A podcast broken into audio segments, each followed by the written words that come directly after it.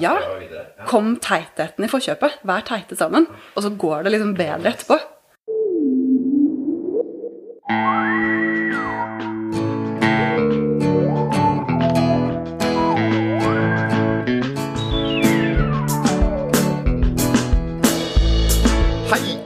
Velkommen til Kvartlivskrise. Jeg heter Marius Jones, og dette er en podkast som handler om overgangen til voksenlivet, der jeg sammen med gjester utforsker hva som skal til for å leve et intensjonelt voksenliv. I denne episoden snakker jeg med Åslaug Ullerud om vennskap og om hvordan vi kan møte nye mennesker. Åslaug har holdt på med live eller levende rollespill i over ti år, både i Norge og utlandet, og er en del av burner-miljøet i Oslo. Og Vi kommer tilbake til begge deler i denne samtalen her. Åslaug og jeg vi snakker om vennskap, om sosial angst og intimitetsangst, om hvorfor vi bør være litt som dyr når vi møter andre, og om hvordan vi kan leke mer i voksen alder, og også om autentisitet. Jeg syns det var skikkelig fint å snakke med Åsleik, og satt igjen med mange tanker om hva som holder meg tilbake fra å være hele meg selv i møte med andre, og om hvordan jeg kan være litt mer tullete og leken når jeg beveger meg rundt i verden. Velkommen til en ny episode av Kvartlivskrise.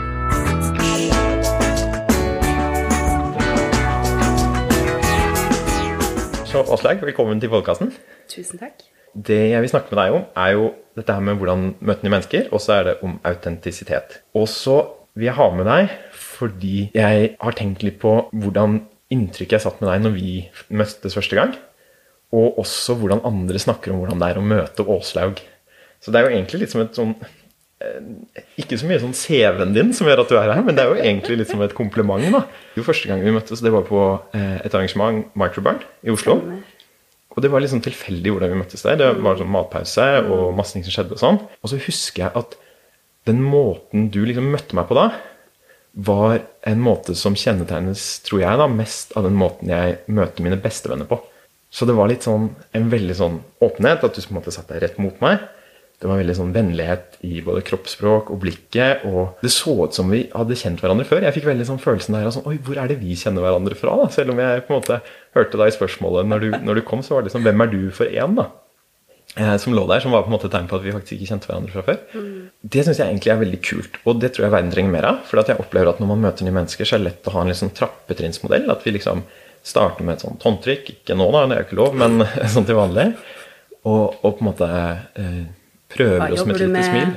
Ja, ikke sant? Og man skal gå litt der på de ja. overfladiske tingene. Ja. Og når du får en positiv respons, så kan du kanskje gå litt dypere og litt dypere, og så tar det hele fryktelig lang tid ikke sant? før du kommer på en måte inn på folk også. Og så virker det som at du bare hoppet over alle stegene litt. Og det er sånn Det er litt sånn andre møter Andre har inntrykk av, har jeg også hørt, da, de har møtt deg, at du på en måte bare går til det som kanskje er mest spennende nesten sånn litt med en gang. da. Som høres ut som en veldig fin måte å møte folk på. Kanskje litt risky måte å møte folk på også. Eh, kan vi komme litt sånn inn på sånn? Mm. Jeg vet ikke, hva, hva, tenker du når jeg sier disse tingene her, om, om hvordan du på en måte møter andre? Det er jo et kjempekompliment. Eh, når du spurte om jeg ville være med og spille inn en podkast med deg også, så ble jeg veldig glad. Det ligger kanskje litt i min natur mm -hmm. å være sånn. Det kommer kanskje litt tilbake til også. ikke sant? Mennesker er jo i bunn og grunn forskjellige. Ja, og den der tror jeg også jeg vil grave litt i sånn Har du alltid vært sånn, eller har du bestemt deg for at du skal være sånn på tidspunktet og sånn også? Mm. Ja. Og det litt tror jeg også har med setting å gjøre. Mm. Der vi møttes aller første gang, så var det veldig det var veldig greit å være mm. åpen og connecta helt fra første stund. Enig. Hvis vi hadde møttes på jobb, så hadde det kanskje vært en litt annen, eh, litt annen historie. på en måte. Ja, for det er noe med normer inni der også. Da, at det er ja, liksom noen kjøreregler om hvordan vi skal møte hverandre. Ja. Og det gjør det jo kanskje For én ting er jo liksom hvordan er det vi er, men, og, og, det kan være vanskelig å endre på, sånn, men hva slags kjøreregler vi har i fellesskap, er kanskje lettere å endre på det er nesten litt sånn oppløftende hvis du sier at det er noe med settingen eller miljøet. Eller liksom, mm. For det kan vi jo enda større grad velge selv. Da. Og det tror jeg for min del så har det å komme inn i de Kall det riktig for meg, da. Miljøene. Mm. Har vært veldig godt for å kunne møte folk på den måten. Mm. Og få veldig mye positivt tilbake. Mm. Jeg tenker, Når du sa at det kan være risky å, å møte folk med åpenhet, mm. så har Jeg kan ikke komme på en eneste gang det på en måte ikke har gått bra. Ja. Og det, det, er jo sikkert eh, ja, kanskje litt sånn eh, klapp på skuldra til meg, ja, men, men, også litt at jeg har vært for så vidt da heldig Eller da igjen ikke sant, oppsøkt miljøer der det er ikke bare akseptert, men verdsatt. At man er på den måten. For, ja, ikke sant? For det, jeg tror jo når jeg sier at det er risky, så, så tror jeg det kanskje egentlig sier mer om meg enn enn måten du hørte på også. da. Og jeg, jeg skal komme til, for at, eh, Noe som jeg har tenkt mye på, er både sånn jeg, jeg tenker mye på angst generelt, men kanskje særlig to typer angst. Og den ene er jo det man kanskje kaller sånn sosial angst, som er på en måte frykten liksom for avvisning. Og jo mer du legger inn tenker jeg, i møte med andre, jo vondere gjør det å bli avvist. Og den andre type angsten, som jeg syns er litt sånn fascinerende også for min egen del, er sånn intimitetsangst. Som eh, jeg ikke har blitt obs på før ganske nylig, at jeg har ganske mye av. Som egentlig er angsten for at ting skal bli for nært fort. Fysisk, eller mer også i samtale og Eh, også i samtaler, Ja. ja så eh, egentlig en sånn eh, emosjonell nærhet, da, hvis Ja, man kan kalle det det. Ja. Ja, og jeg tror kanskje er sterkere der enn eh, Nei, jeg kjenner på også på fysisk. Mm. Men, men jeg tror det er på en måte den emosjonelle intimitetsangsten som er mest fremtredende. Altså at jeg synes det er Hvis jeg føler at nå, nå ble det litt for nært og personlig og varmt og koselig til og med også, eh, så syns jeg faktisk at det er litt ekkelt. Eh, Og, og jeg merket at det var en sånn hyttetur som jeg var på med noen venner, hvor dette her slo veldig sånn ut, uh, ut i meg. Det var, det var et vennepar som, som, som jeg og kjæresten min har vært ganske nære. Og så snakket vi om en del ting som gjorde at vi ble enda litt nærere. Og det hele liksom ble bare så koselig og nært og alt mulig at jeg satt og kjente at jeg hadde bare lyst til å rømme fra hele situasjonen. Wow. Uh, og dette her er, tenker jeg vi må også komme litt tilbake til også, for jeg lurer på om, om, om du kjenner på det samme, eller om du ikke gjør det også. Da. Eh, for det kan jo også kanskje forklare hvorfor du møter folk som du gjør, og jeg ikke møter folk på den måten også. Og så er jeg jo ristet på hodet i podkasten. Altså, nei, det, det kan jeg egentlig ikke si at jeg kjenner meg igjen i. Nei. Jeg tenker det heller er litt sånn Da, da, da er det fyrverkeri inni meg. Da. er det Sånn, Å, det er fint! Nå, nå fikk vi en god connection her. Nå, mm, ja, nå, nå bygger vi relasjonen vår. Så jo mer nærhet, jo bedre. Og jeg tror, jeg tror kanskje Jeg tror ikke det er en evig ekspansjon jeg, tror ikke den- tror ikke den vokser evig, da. Eh, men, men generelt det å få lov til å Jeg vil, jeg vil si kanskje jeg synes det er veldig Jeg ser på det som en veldig stor ære når folk slipper meg innpå. Hvis de tør å dele noe med meg som er kanskje fortrinnsvis noe de enten opplever fra før eller tror de kommer til å bli dømt for. Og så kan jeg møte det med en forståelse eller i hvert fall en aksept. Så, så syns jeg det er helt utrolig stas. Det er, ja, ikke sant at det er en litt sånn gave egentlig å dele de der sårbarhetene og, Ja. og tillate noen å, å slippe ned. Ja, for det er jo et kjempekompliment at noen deler ting som potensielt er litt sårt. Mm, Absolutt. Det er jo ja, en stor tillitserklæring der. Også. Men så, hvis du for å gå tilbake til liksom hvordan du møter folk, da, for å ta den, så tror jeg vi må innom angsten og sårbarheten og sånn også etter hvert her. da. Men hva, hva tenker du kjennetegner måten du ønsker å møte folk på, da, for å, for å begynne med det? Em, jeg ville si, og jeg slår gjerne et slag for at nysgjerrighet er en god ting. Ja. Det er kanskje litt sånn norsk kultur som er sånn Nei, du skal ikke, du skal ikke gå og være nysgjerrig. Men, men det å genuint være interessert i det her andre mennesket, eh, prøve å finne ut av hvem de er What makes your clock tick? ikke sant? At det Jeg vil si kanskje oppsummert prøve å ikke være i mitt eget hode. Og tenke på sånn Å, hva, hva skal jeg få sagt nå? Og hvordan skal jeg få vist at jeg er kul? Men, men heller vende fokus til den andre personen, da. Og la de få lov til å skinne, og prøve å fasilitere at de skal få lov til å skinne. Og, og hvordan ser det ut når du er nysgjerrig på i møte med andre? Jeg tror faktisk det ser litt ut som litt sånn god gammeldags flørting. Ja. Lene seg litt nærmere, se eh, rett i øya, eh, kroppsspråk, eh, stille spørsmål, gi bekreftelse, litt sånn nikke, smile, spørre mer. Ja, kanskje mye, mye det med spørsmål, selvfølgelig ikke som en sånn Det skal ikke være et avhør, men det å høre, og så stille da oppfølgingsspørsmål. Det høres litt sånn banalt ut, men jeg tror det er en, eh, en ganske god oppskrift. Det sammen med da å ikke, ikke dømme. Og vise vei. At det er på en måte, her er det greit at du kan få lov til å dele det du, det du tenker på. Da. Hva, hva opptar deg?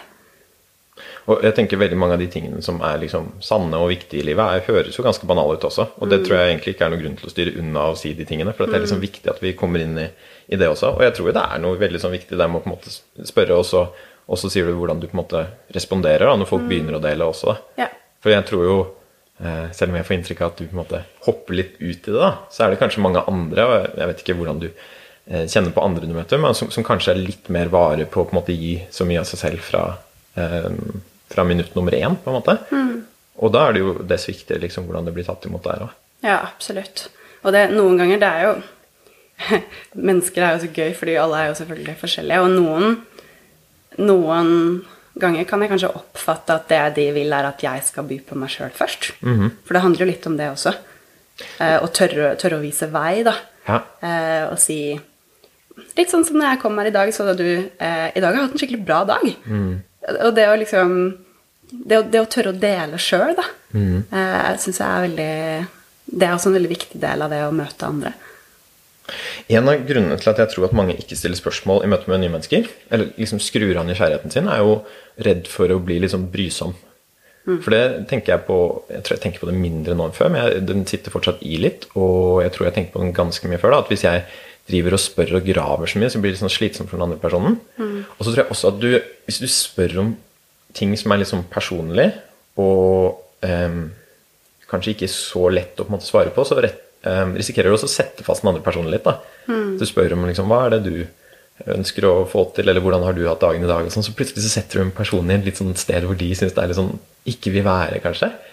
Det, tenker du at det er, en, er noe der? Eller liksom opplever du av og til at Kan det være sånn at andre opplever deg som litt sånn intrusive, og her blir det litt for mye, liksom, når du begynner med nysgjerrigheten din, eller er det egentlig ikke noe som er, noe man bør være så redd for? Tenker Det er noe, det er ikke noe man bør være redd for, men jeg tenker det er noe man kan være obs på. Um, lese, prøve å lese det andre mennesket. Eh, spørre om tillatelse. Er det greit at jeg spør deg om det? Ja. Det er ikke alltid at det passer å gå dypt inn i et forhold eller hvordan du egentlig har hatt det. Kanskje det er deilig at du, kanskje du har lyst til å snakke om noe helt annet. Og det er også helt greit. Og det å da enten på en måte gi den, gi den følelsen, eller si det helt eksplisitt. Ja. Er, det, er det noe du har lyst til å snakke om nå? Eller kanskje ikke. Og det er også helt greit. Og veldig enkelt triks der også, men det, det tar jo ut veldig mye av den brodden av hvor kanskje ok, her, her kan man gå et sted hvor det kanskje blir litt sånn skummelt eller ubehagelig eller for nært, eller whatever, så er det jo egentlig bare å spørre om det også. Hm. På delesiden, da? Hvor, eh, når du tenker liksom For dette med å dele som sårbarhet var noe også som vi snakket om i den første podkasten. Nei, episode tre var det. eh, Det ble det. Hvor vi snakket om dette med å bygge relasjoner med å vise sårbarhet. Og at det også virker som egentlig nøkkelen til veldig mye av det også. Og kanskje den eneste måten å bygge sterke relasjoner på, er jo på en måte å gi, gi litt av seg selv og være sårbar og sånn også. Og så ble vi liksom snakkende om hvor mye bør man egentlig gi i starten, og hvor mye bør man måte tenke at dette skal komme liksom litt etter hvert som vi blir bedre kjent på hverandre. For, jeg tenker jo av og til Jeg syns av og til at det kan bli og det er kanskje den samme intimitetsangsten, men at det kan bli litt mye. Og jeg tror jeg sa det faktisk i den podkasten òg, at av og til i møte med andre, hvis det blir veldig mye sånn deling fra starten av, da, så merker jeg at jeg tenker at dette var litt rart. Her var det litt mye som kom inn sånn med en gang. Har du noen tanker om liksom den balansen der mellom å på en måte være personlig og gi av seg selv, og at det skal være liksom Jeg vet ikke om hva som er riktig ord, er passende eller ikke for mye, eller sånn, eller er det her noe som bare jeg har fått for meg, at man ikke skal gi for mye gass fra starten av der? Jeg tror i hvert fall aldri jeg tenker det passer bedre senere. Jeg tror jeg kanskje stoler på min egen intuisjon der, da. Hvis det føles riktig å ta opp i, det, i den settingen eller i det øyeblikket, så tror jeg at det er det. Og selvfølgelig, jeg tror, jeg tror også jeg har et veldig sånn stort innebygd filter. At jeg begynner ikke med å fortelle eh, noen jeg møter for første gang, om den aller verste opplevelsen jeg har hatt i livet mitt. Det handler ikke om det. Det handler Jeg tenker Det er også personlig og, og sårbart å dele dele noe, noe mindre intenst. Da. Det trenger ikke egentlig være så veldig voldsomt og stort. Bare et eller annet som faktisk er litt, litt personlig. Et eller annet som, som du bryr deg om. Ja, og det tror jeg også er ikke sant, et godt poeng, at det trenger ikke å være liksom de dypeste traumene liksom, Ja. første gang man, man møter der også. Har du vært borti den um, Eller har, det regner jeg egentlig med at du har, men 36 questions to fall in love? Ja. Ja. Veldig fine. Ja. Og ved flere anledninger både kjørte som en sånn date med min kone, men også sånn, mer sånn vennskapelige spørsmål, også Mm. Mm. med folk som jeg ikke kjenner så veldig godt også. Og, og de spørsmålene, det som er en ting jeg liker med det, er at de virker å eskalere litt underveis. Nettopp. Det var det jeg egentlig tenkte på nå. At, de, at det er greit å Ikke at man alltid trenger å eskalere heller, for så vidt, men, Ja. men jeg tror det er viktig, og de, som, de smarte menneskene som har laget forskning og gjort det her, de har også tenkt at det er viktig å, å begynne litt forsiktig og bygge litt relasjon, og så kan man eh, gå videre til, til ting som er litt mer eh, potensielt sårbare å snakke om. Ja, og de spørsmålene syns jeg er veldig For der er det jo litt sånn Jeg tror alle de har jo noen som handler om mm, det, det er ikke så personlige de spørsmålene, men alle er personlige, uten at de på en måte trenger å være dype samtidig. For det handler jo liksom om um, hva er det du Jeg vet ikke om det er sånne spørsmål som hva er det du liker å gjøre på bursdagen din, men det handler Ja. om på en måte hva er det du bryr deg om, da, Ja, egentlig. Litt sånn fra starten av. Og så tror jeg de kommer inn på sånn hva er de viktigste minnene du har fra Eller hva er de mest formende minnene du har fra barndommen din, og sånt, som, som kommer liksom nedpå inni der også. Hm. Er det noe du har med deg liksom inn i møte med andre? At ok, disse spørsmålene vet jeg er gode spørsmål, eller eh, disse måte tingene vet jeg at liksom her kommer vi nærmere hverandre hvis jeg går ned den veien her, eller noe sånt? Også, liksom, er det en sånn jeg vet ikke, er det en sånn tanke bak når du skal møte andre, eller holder du på en måte å bare skru på intuisjonen og, og følge magefølelsen liksom, når du ja, når du står der, liksom? I de aller fleste situasjoner så gjør det det. Jeg, har, jeg har tenkt tanken om at jeg gjerne skulle kunne de spørsmålene bedre, så jeg kan bruke det litt sånn i samtale. Men det, det, det er ikke en på en måte sånn strukturert tankegang der. Det er ikke det, altså. Nei. Og det tror jeg ville ha ødelagt litt for Ja, kall det autentisitet. Syns alltid det ordet er så vanskelig å uttale. Ja. Men, men det å være, ja, å være ekte, da. Hvis jeg, hvis jeg igjen, Og det å ikke være i mitt hode. Hvis jeg sitter og tenker nå må jeg finne et skikkelig godt spørsmål å stille Marius for at det skal bli en spennende samtale, så, så tror jeg litt av magien i samtalen forsvinner. For da hører jeg ikke på hva du sier. Da sitter jeg og kverner på hvordan jeg skal være en god samtalepartner. At det Enig. Og det er jo vanskelige ting å gjøre. Jeg merker det særlig nå. Nå tenker jeg ja, podkast, nå må vi i hvert fall si lure ting. Så, også, så det blir jeg veldig liksom på det der. med- Men jeg tror også det er andre samtaler også. At det er eh, akkurat det å komme ut av sitt eget hode er utrolig krevende oppgave. For det er også en sånn ting som er på en måte enkel, enkel å på en måte snakke om og si at man skal gjøre, men utrolig vanskelig å få det til når man står der. da. Og veldig deilig når det skjer. Det jeg eksempel liker med de spørsmålene, eller andre sånn type Jeg liker veldig godt å være kreativ innenfor rammer. Ja. Så det å ha en sånn type eh, speedfriending eller spørsmål Nå vet vi at nå skal vi stille hverandre spørsmål. Så slipper vi å, å, å tenke på det spørsmålet, ikke sant. Eh, aller helst så liker jeg det når man har Man skal ikke svare på det samme spørsmålet, for da begynner jeg å tenke på hva jeg skal si. Mens du forteller meg om det du har tenkt på. ikke sant? Oh, ja, så, ikke sant, Det er bare én av oss som svarer på det spørsmålet. så Det er i hvert fall sånn jeg har gjort det. Eh, og det liker jeg bedre, for da kan jeg være genuint investert i å høre på deg. Mm. Og så slipper jeg å begynne å, å kverne på min egen sånn Hva skal jeg si? Mm. Da ser ikke du det spørsmålet neste spørsmålet før det er din tur. Der, mm. så, hm, god vri på den der. Så jeg tror jeg spilte som begge veier. Så Mm. Ja, da har man jo Men liksom kjenner, helt kjenner, kjenner du igjen det, den tankegangen? At man begynner å tenke på hva man skal si sjøl? Absolutt. Veldig. Jo, og jeg tror jeg gjør det nesten i alle samtaler som jeg har også. For det er jo noe med å akkurat det du sier da, ville, ville si noe smart neste gang jeg får ordet her også. Mm. Som selvfølgelig er jo skikkelig dumt, for da, da mister vi jo hele den andre når vi går tilbake til hodet vårt der.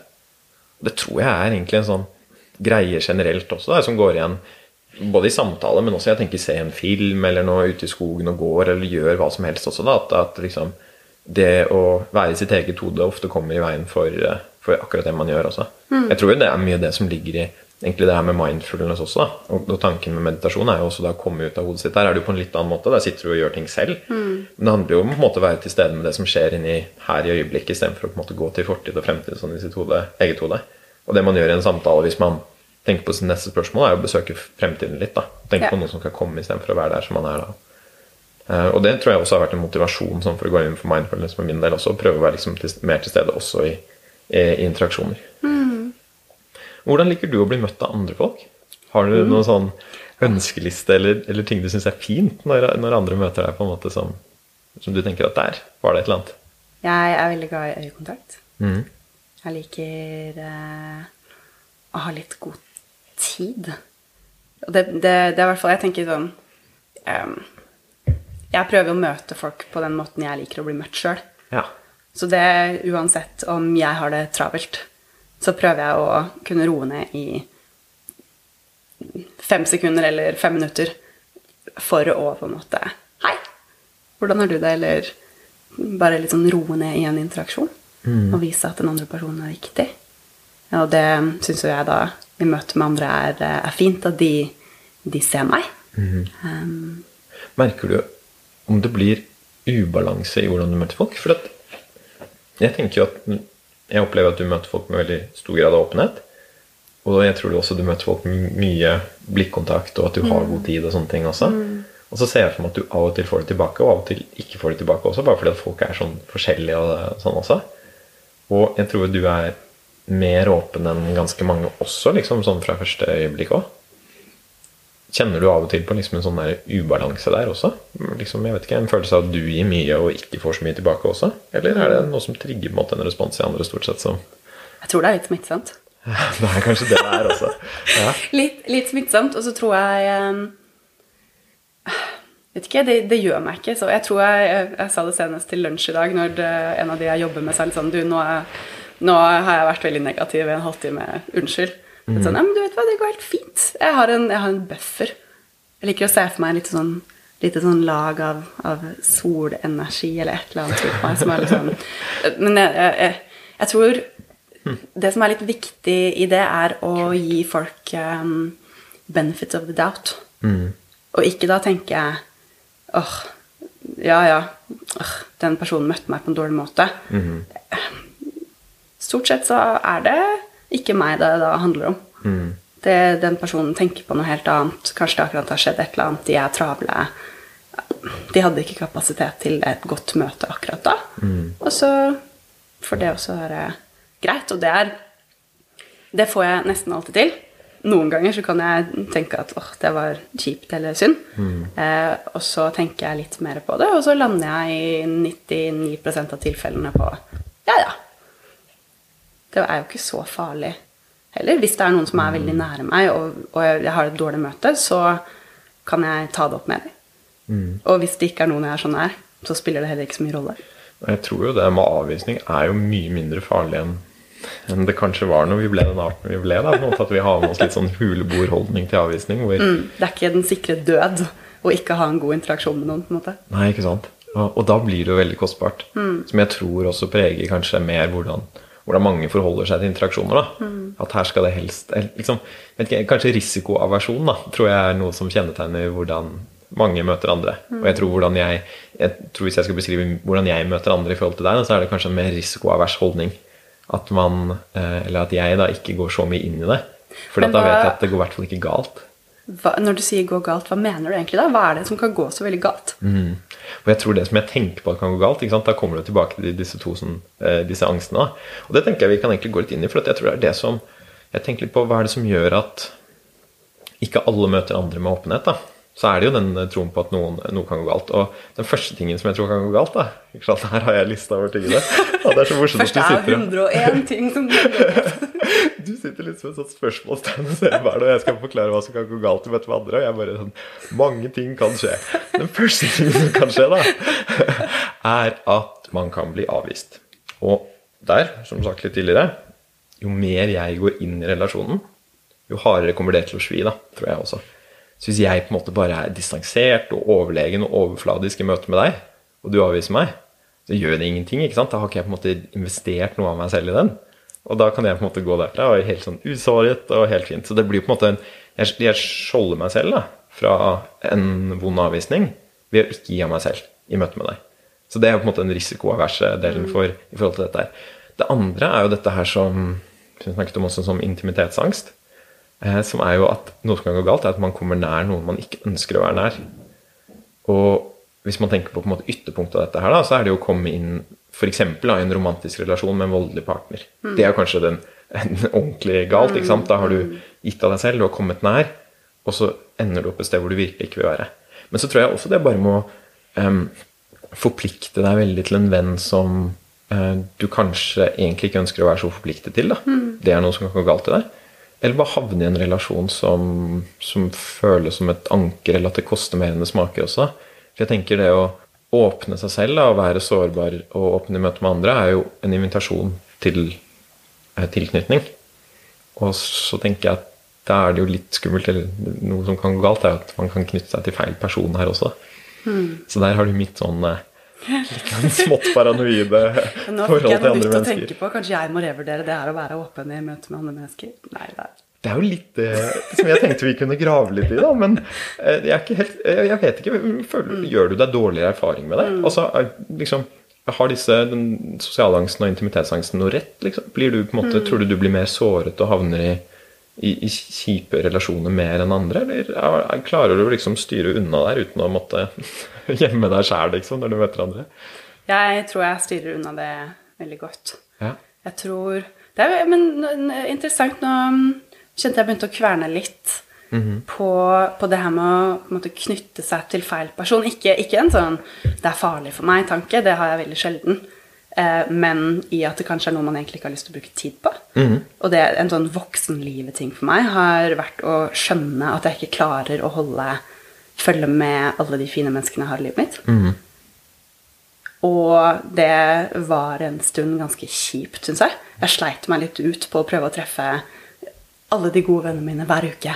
Eh, hadde tre avtaler i løpet av en kveld. Yes. Litt sånn her virkelig på en måte prøve å, å klemme det inn i timeplanen. Men jeg tror jeg kjører litt nå kvalitet over kvantitet, og det tror jeg gjelder både på antall møter med folk. At jeg innså at jeg trenger faktisk ikke å møte folk så ofte. Da vil jeg heller ha skikkelig kvalitetstid, og så kan vi møtes en gang i måneden, eller hva vi nå får til. Det er helt greit. Og så tror jeg at det Og det er jo også sånn jeg fortsatt syns er litt synd, at det er en del jeg ikke har så mye kontakt med. Og det, det, det jobber jeg egentlig fortsatt litt med med å synes er ok.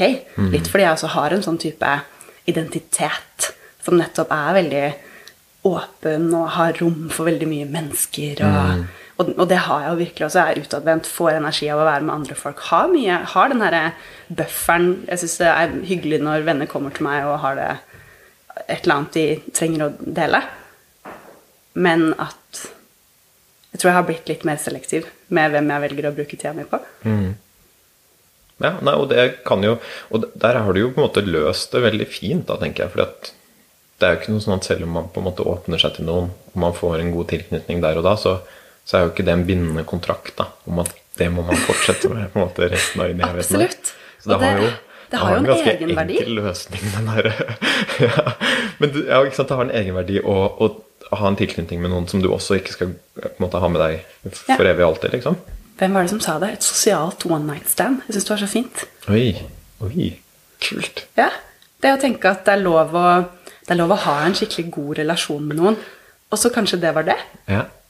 Da må vi ikke bli nye bestevenner. Nei. Kanskje vi treffes igjen? Nei, kanskje ikke. Det var skikkelig fint. Det ga meg noe. Jeg føler at det ga deg noe også. All right, bra. Og så kan vi gå hver til vårt etter det. Ja. Vi trenger ikke nå å begynne å møtes fast. Mm. At det er liksom Det der er en veldig fin tanke. Og, ja, ikke sant? For da, da kan du faktisk ha den med fremmede mennesker som du møter også, på samme måte som man har en sånn fysisk one night stand. Ja. For dette er jo Jeg ser jo for meg at livet blir jo mye mer spennende når du kan ha de møtene og liksom behandle de du møter den kvelden, som en bestevenn den kvelden. Og så kan man være bestevenner der og da uten at det trenger å føre til seg noe mer også. Jeg ser for meg at um, Ikke sant, her kommer jeg igjen da med at å, det kan gå galt nå. er det, er det, føler du et behov for å avklare det når du møter med noen og har en sosial one night stand? For jeg tenker jo det er nesten litt realt hvis man skal ha en sånn seksuell one night stand. At, at man kanskje setter ord på at dette er, det, vi skal ikke gifte oss nå. Liksom, for å unngå på en måte skuffelse fra den ene siden. Det er litt gøy tanke. For da så jeg plutselig Jeg så litt for meg hvordan det på en måte den samtalen skulle sett ut i praksis, og så ble det litt sånn latterlig i hodet mitt. Sånn, vi skal bruke vennskapskondomen, hva nå den det er, og vi skal Jeg er allerede i et fast forhold, jeg har tre bestevenner, ok? Eh, nei, jeg, jeg tror egentlig ikke det. Nei. Det er et veldig morsomt bilde på det. Du, nå har vi det veldig hyggelig her, men jeg er ikke sikker. Jeg ville, jeg ville bare la deg vite at jeg er egentlig ikke på utkikk etter en fast ny venn nå. Men det, er- det er jo sånn, ikke sant? for det høres på en måte litt rart ut, men så er det jo på en annen måte ikke sant? tilbake til at det er hva som går galt. Da. Men det er jo noe med å sende feil signaler, og det tenker jeg man sier særlig i en sånn flørtekontekst. At, at nå ting kan feiltolkes, da, eller at man Oi, her, her var det noen som tolket noe som noe annet enn det det egentlig var. ikke sant? Og det ser jeg for meg kan skje i en vennskapskontekst også. At, eh, at jeg vet ikke, jeg får du en følelse av at noen tro, jeg trodde det var noe, og så var det ikke noe likevel, liksom, når du har sånne sosiale one night stands. Um, nei, men som oftest hvis jeg har hatt en, en skikkelig Så jeg har liksom hatt en skikkelig gøyal kveld på, på festival med noen, eller noe sånt, så kan det jo hende at vi Kanskje vi bor i samme by. Kanskje vi syns det hadde vært fett å møtes igjen. Ja, ok.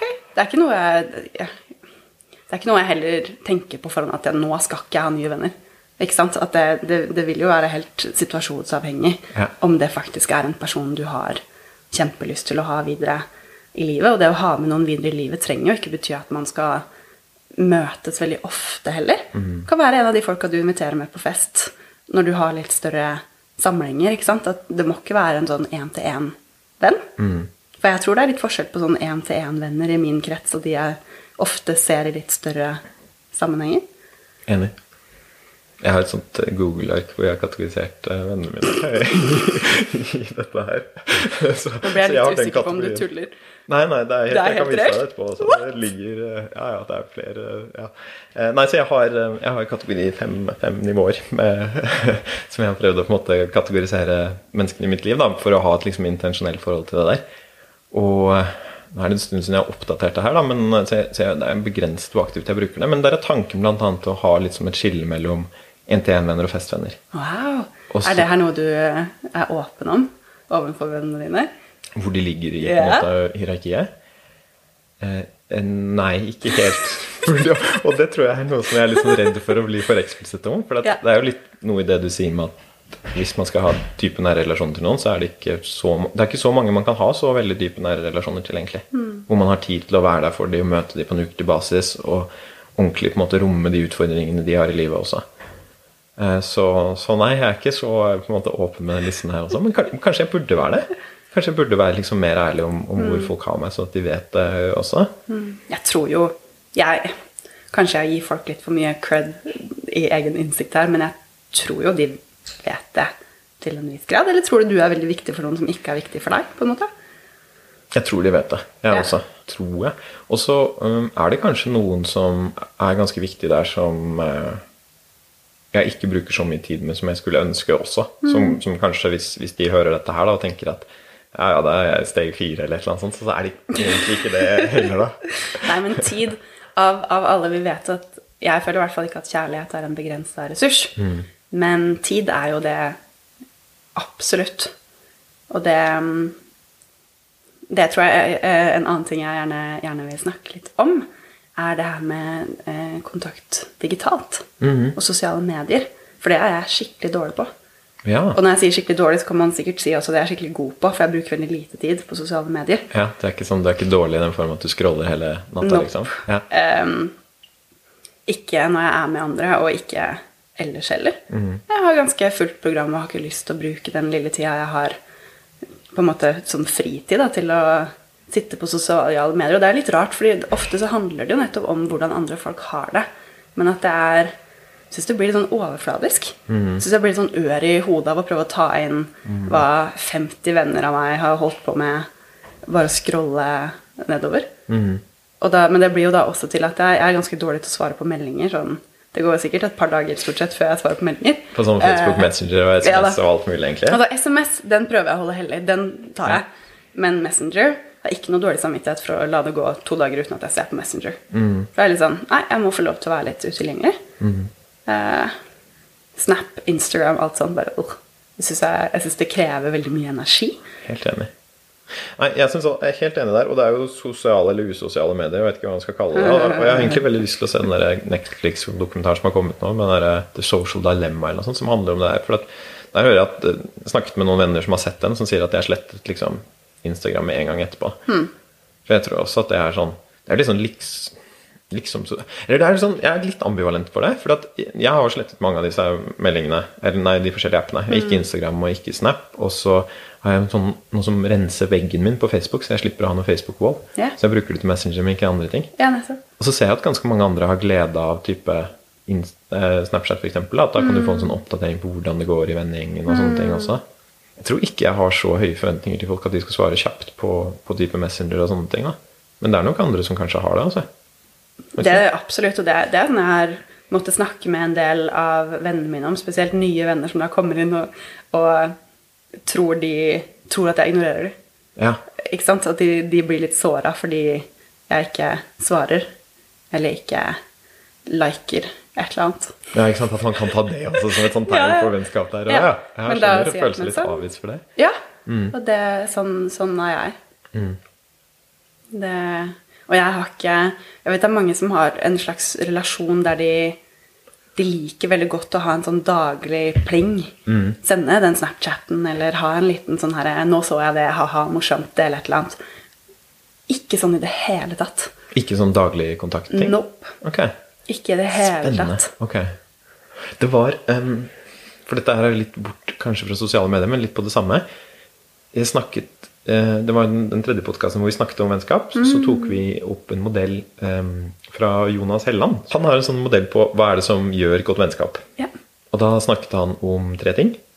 Og det er det ene er at man har det gøy sammen. Du bare gjør ting som er positive ladet. Liksom har positive opplevelser sammen. Og det kan være da alt som gjør det gøy på en måte sammen. Type Fifa-kveld hvis det er det, eller lage podkast hvis man syns det er det som er på en måte en positiv opplevelse. Det er masse bare gaine liksom positivitet, da. Og det andre er at du kan ha dype samtaler, hvor du gir av deg selv og er sårbar og på en måte kommer inn på hverandre da, og, og blir på en måte kjent med hverandre dypere. Og så var det Det siste var å ha litt kontakt med liksom ting som skjer i dagliglivet. Interesting. Og ikke sånn for ja, nå spiste jeg på en måte fiskekaker til middag og ikke brokkoli, eller noe sånt, da, men mer sånn hva er dine på en måte følelsesmessige ups and downs i hverdagen? Eh, og, og den har jeg litt, vært litt sånn på at nei, du trenger ikke det, liksom, så lenge du kan møte ordentlig og connecte når du gjør det. Og så har jeg på en måte sett kanskje mer verdien av det når jeg har hørt mer ham på det også. fordi at altså, livet er stort sett hverdag. Og alle våre på en måte, følelsesmessige ups and downs skjer stort sett i hverdagen. Det er de små tingene at stresset på jobb en dag, at du var eh, stolt over et eller annet du hadde fått til, da, at du hadde en skikkelig god følelse etter den løpeturen, eh, whatever, liksom. Disse små dryppene av ting som skjer i livet vårt, da, skjer veldig ofte i hverdagen. Og det at det å få de når de skjer, har en verdi. For at hvis jeg kommer nå om en uke, da, så snakker jeg om til Jonas om denne podkasten, og det var en skikkelig god podkast, og jeg syns dette her var skikkelig engasjerende å snakke med Åslaug og sånn, så kommer ikke den entusiasmen som, som jeg hadde i øyeblikket, da, som jeg kunne formidlet der og da, den kommer ikke til å være med meg videre også. Nei, tror du ikke det? Å jo, akkurat denne her kommer til å være med. Ja, nå ble jeg skuffa. Stort, stort sett så fader det, men eh, ikke akkurat her. Ja. Men det, det er sånn, jeg, jeg vet ikke hva du tenker rundt den her eh, tanken om at liksom drypp av hverdag er eh, liksom sentralt for gode relasjoner. Jeg tror det, det, det er viktig å huske igjen, igjen at folk er forskjellige. Og jeg har jo sett nettopp det, at det er veldig mange som setter pris på den, den daglige check-in som jeg egentlig bare syns er litt slitsom. Ja. jeg tror jeg heller Det jeg egentlig tror det handler om for meg, er at hvis jeg skulle måtte holde følge med andre sine check-ins, og hvis jeg skulle ha sendt sånne check-ins ut til andre, så ødelegger det litt for øyeblikket. At da er faktisk ikke den, den deilige følelsen av løpeturen Jeg vil jo bare være i den følelsen. Jeg har ikke lyst til å dra frem telefonen, og, og hvis jeg skal dele den, så blir det ikke bare til at jeg klarer å dele den, for da er det et eller annet annet der som popper opp på meg. Jeg har ikke lyst til å se på den telefonen i det hele tatt. Jeg har ikke lyst til at den skal være del av det øyeblikket. Jeg har bare lyst til å nyte det. Og egentlig samme med liksom, hvis jeg er trist eller noe sånt. Ok, bare være i den følelsen. Eh, jeg, har, jeg, har, jeg er egentlig veldig sånn hund, hundepersonlighet. Ja. Men akkurat liksom tror jeg er litt katt. For jeg vil på en måte Enten så vil jeg liksom deale med det sjøl, eller så vil jeg bare nyte det. Jeg har liksom ikke noe behov for å Skjønner. Det, det er jo litt eh, spennende. Jeg kjenner meg veldig igjen i det. Ja. Og særlig sånn um, i forhold til de negative, altså type tristhet og sånn. da. For meg så sitter det veldig langt inne å ta kontakt med noen over noe digitalt, inkludert telefon, hvis jeg føler meg down. Og, og der vet jeg ikke helt hva som er på en måte det, det beste for meg. da. Der føler jeg ikke at alltid at følelsene mine spiller på lag. da. Av og til så tenker jeg at her burde jeg faktisk ringe noen eller noe Ja. til noen, og sånn, og så, så skjer det ikke allikevel. Eh, og der har bl.a. Jonas da, vært veldig på at ta opp telefonene selv, gang, liksom. Prøv det. Og jeg husker Det var en dag som jeg følte meg litt down, og jeg husker ikke hva det var. Altså, men jeg lå og var liksom der med en sånn neffe. Jeg tror det var en sånn søndag en helg som ikke ble på en måte helt så hurret som jeg hadde tenkt. da. Så tenkte jeg nå skal jeg ringe Jonas. Så gikk jeg ut og satte meg, og så følte jeg bare sånn Nei, jeg vet at det er ikke for meg. Den kommer ikke til å skje likevel. Nei. Så den, den sitter litt sånn inne for meg her. Og jeg tror noe som jeg tenker på, på der, er at jeg har inntrykk fra sånn studier innen sånn positiv psykologi og sånn, som snakker om viktigheten av relasjoner, så er det en ting de sier der om at hvorfor er relasjoner viktig. Og det er fordi at positive opplevelser blir større når vi deler de, og negative Mm. opplevelser blir kanskje litt mindre når vi deler de også. Um, Men jeg tror jeg Altså, jeg har veldig lav terskel for å dele det som foregår i livet mitt med andre. Ja. Men, men jeg, jeg føler ikke at det trenger å være en sånn momentan deling. nei, jeg skjønner. Og det, jeg kan godt, jeg kan absolutt kjenne meg igjen i det. Og det å ringe noen tror jeg er en helt annen ting igjen enn det å sende en Snapchat Ja. til noen. Nå var jeg litt nedfor Snapchat. Ok, det å snakke med noen tror jeg kan være både godt og viktig i en sånn situasjon. Men, men nå heller da jeg vet ikke, liksom grundig, grundig kjenne etter på en følelse, enten da liksom positiv eller negativ, og så heller da senere i etterkant.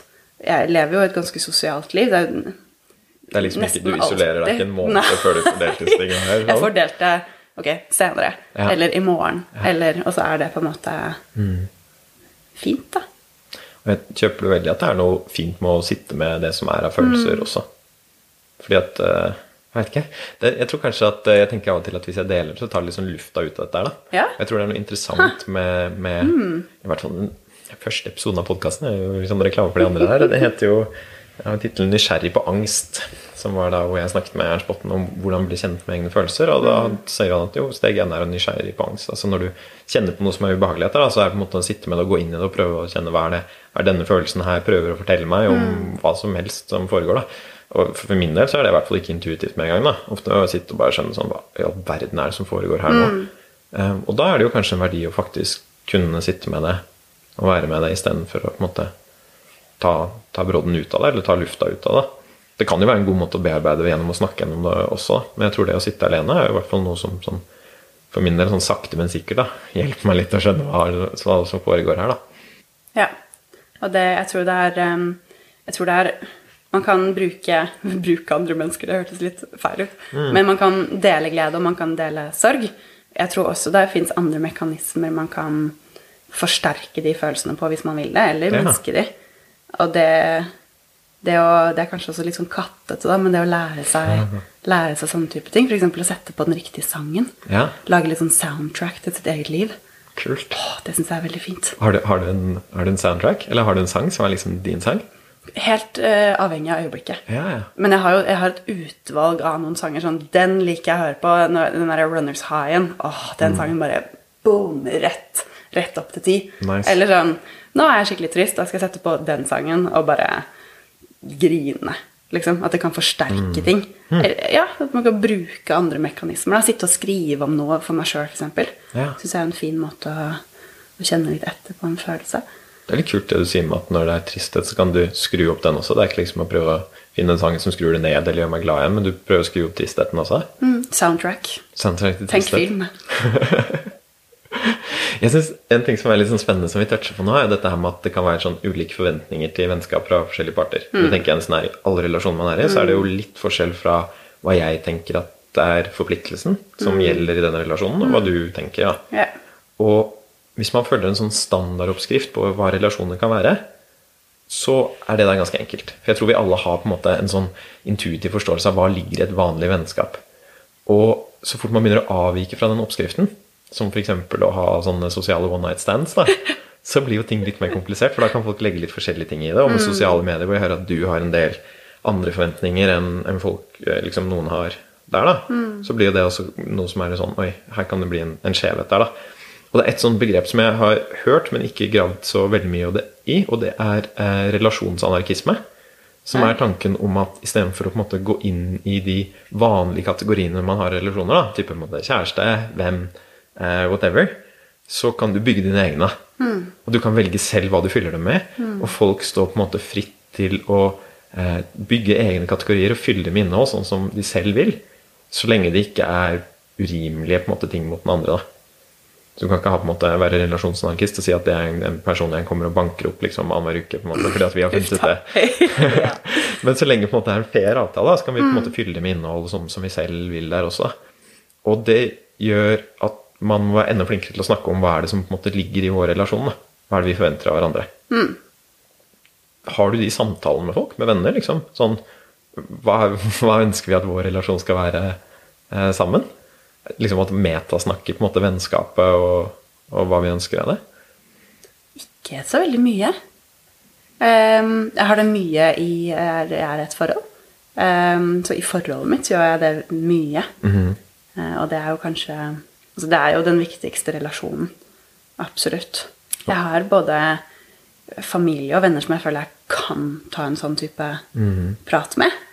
Og det er jo kanskje parforholdet er jo kanskje den største der hvor jeg tror sånn relasjonsanarkisme også eh, tenker mest rundt. da, Eller hvor det er mest tanker rundt. For parforholdet er jo en veldig det er jo en veldig definert greie. Hvor du på en måte skal den ene personen skal være både eh, den ene sexpartneren, og du skal lage familie sammen, og du skal liksom bygge rede, og du skal ha de beste samtalene med, og du skal på en måte også være en turkamerat og sånne ting også. Så Indeed. der er det jo liksom full pakke eller ingenting, da. Men er, er det sånne, på en måte, er det den kategoriseringen du kanskje Utfordrer du den i det forholdet ditt også? Det vil jeg si. Absolutt. Og det er jo Det virker jo igjen veldig banalt, da, men folk må jo få lov til å gjøre som de vil. Så teit at vi skal ha det dårlig fordi samfunnet mener vi skal det ene eller det andre. Ja. Og det er, det er veldig mye mm, Det er vanskeligere sagt enn gjort, det. altså. Å bare gå ut og gjøre noe helt annet, men at vi har tenkt den tanken, at det faktisk er mulig.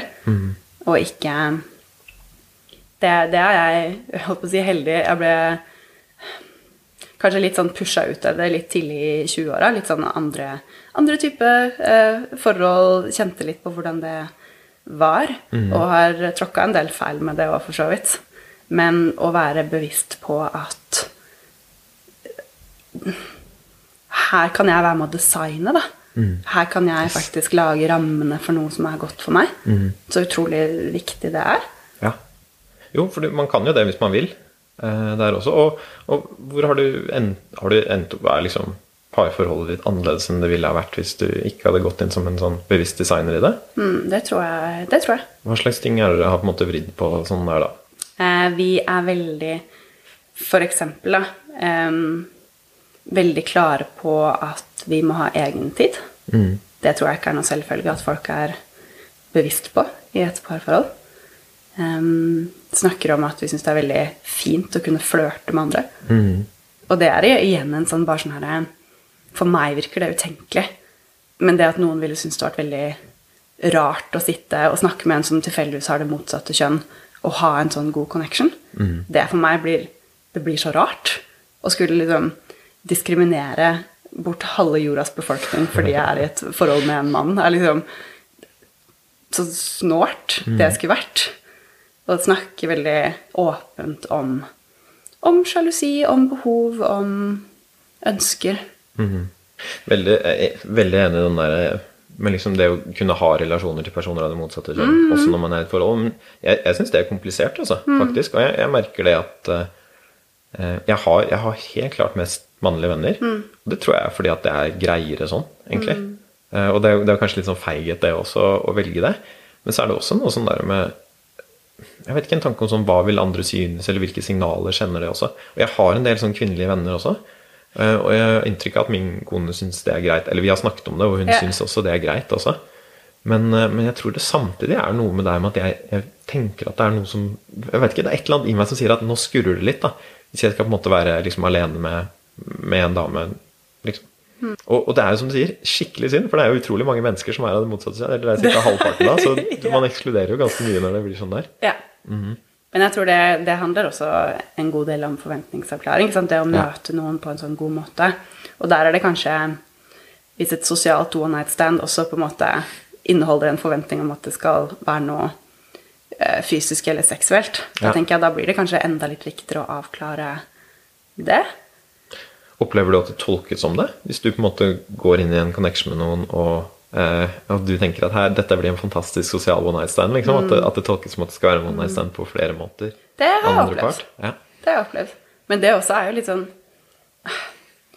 Det også må jo være greit, både at noen oppfatter det sånn, og at selvfølgelig er det jo alltid greit at den ene eller den andre ikke vil. Yes. Og det å forsøke å Det er ikke sånn at den relasjonen har vært dårlig fordi man ikke vil ta det til et fysisk nivå. Nei. Og jeg vet ikke, det er den som intet våger, intet vinner. Det må være lov å Det må være lov å, å legge det på bordet også, da. Ja, ikke sant? Jeg aner jo ikke hva du tenker om det før jeg faktisk har spurt deg om det.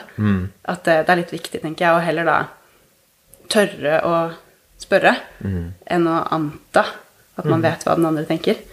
Det har vi jo faktisk ikke mulighet til å gjøre. Dette er sånn fascinerende, for at, sant, jeg har jo som forberedelse til denne samtalen tenk på hva alt som kan gå galt liksom, når du møter andre med sånn stor åpenhet. Og så liksom, når jeg kom med disse tingene, så har du veldig sånn enkle oppskrifter på hvordan du på bare tar ut den risikoen av det, eller tar ut brodden av det. For det ene er jo ikke sant, dette vi snakket om, dette her, ja, du kan bli avvist, og så er det sånn, ja, men det gjør ingenting, liksom. Ja, det går greit, det, liksom. det er jo andre mennesker i verden, og du kan bli for nær, og så er det sånn, ja, men det gjør jo på en måte ingenting, da, for det er ikke min forpliktelse. forpliktelse. Og her, du kan sende feil signaler, ikke sant, eller det kan, ikke du sender feil signaler, men det kan oppfattes på feil måte. Og da er det jo, ja, da er, da er det også greit, ikke sant, og da, er det, da kan vi også romme at den andre personen opplever det som noe annet, og, og sier at, ok, her, her ønsker jeg at det skal være noe seksuelt, og så kan du da si at, ja, det ønsker ikke jeg, og så kan man fortsette å ha en sosial one night stand uten at det blir noe mer også. Ja. Det er kanskje ikke så jævlig farlig dette her, da, som jeg merker at jeg får det til å bli hele tiden. Ja, er Og det, så- da sier jeg jo på ingen måte at det ikke er sårt. Selvfølgelig kan det være kjempesårt.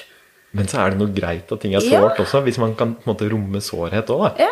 Tåle at det er det. For der går man sikkert på noen smeller, liksom. Mm. Eller sånn er jo livet, liksom. Man, man kommer til å gå på smeller der, ja. Mm. Men det er jo plass til sårhet òg. Ja, jeg tenker det Det er ikke noe Igjen, da. Det, det, måte, det er ikke noe å være redd for, tenker jeg. I hvert fall veldig synd hvis man ikke skal kunne gå inn i en relasjon fordi man er redd for at det enten skal bli for bra eller dårlig. Jeg tenker Da har man tatt bort veldig mye mulighet for seg sjøl. Yes. Second that. Veldig. Jo, nei, men jeg tror det er helt sant, det. Altså. Det er litt sånn, skal jeg, jeg skal ikke, Nei, jeg skal la være å ta den her eksamen, fordi det kan gå skikkelig Nei, og tenk om det går altfor bra. Tenk om det går dårlig. Jeg vet ikke, Man kan være redd for sikkert alt mulig rart Kan være i rett og slett livet. da. bra på eksamen. Hvis du gjør det dritbra på videregående, så må du bli lege eller noe sånt for å bruke karakterene. ikke sant? Der har du det gående. Så du må helt stakkars passe deg for litt. Ja.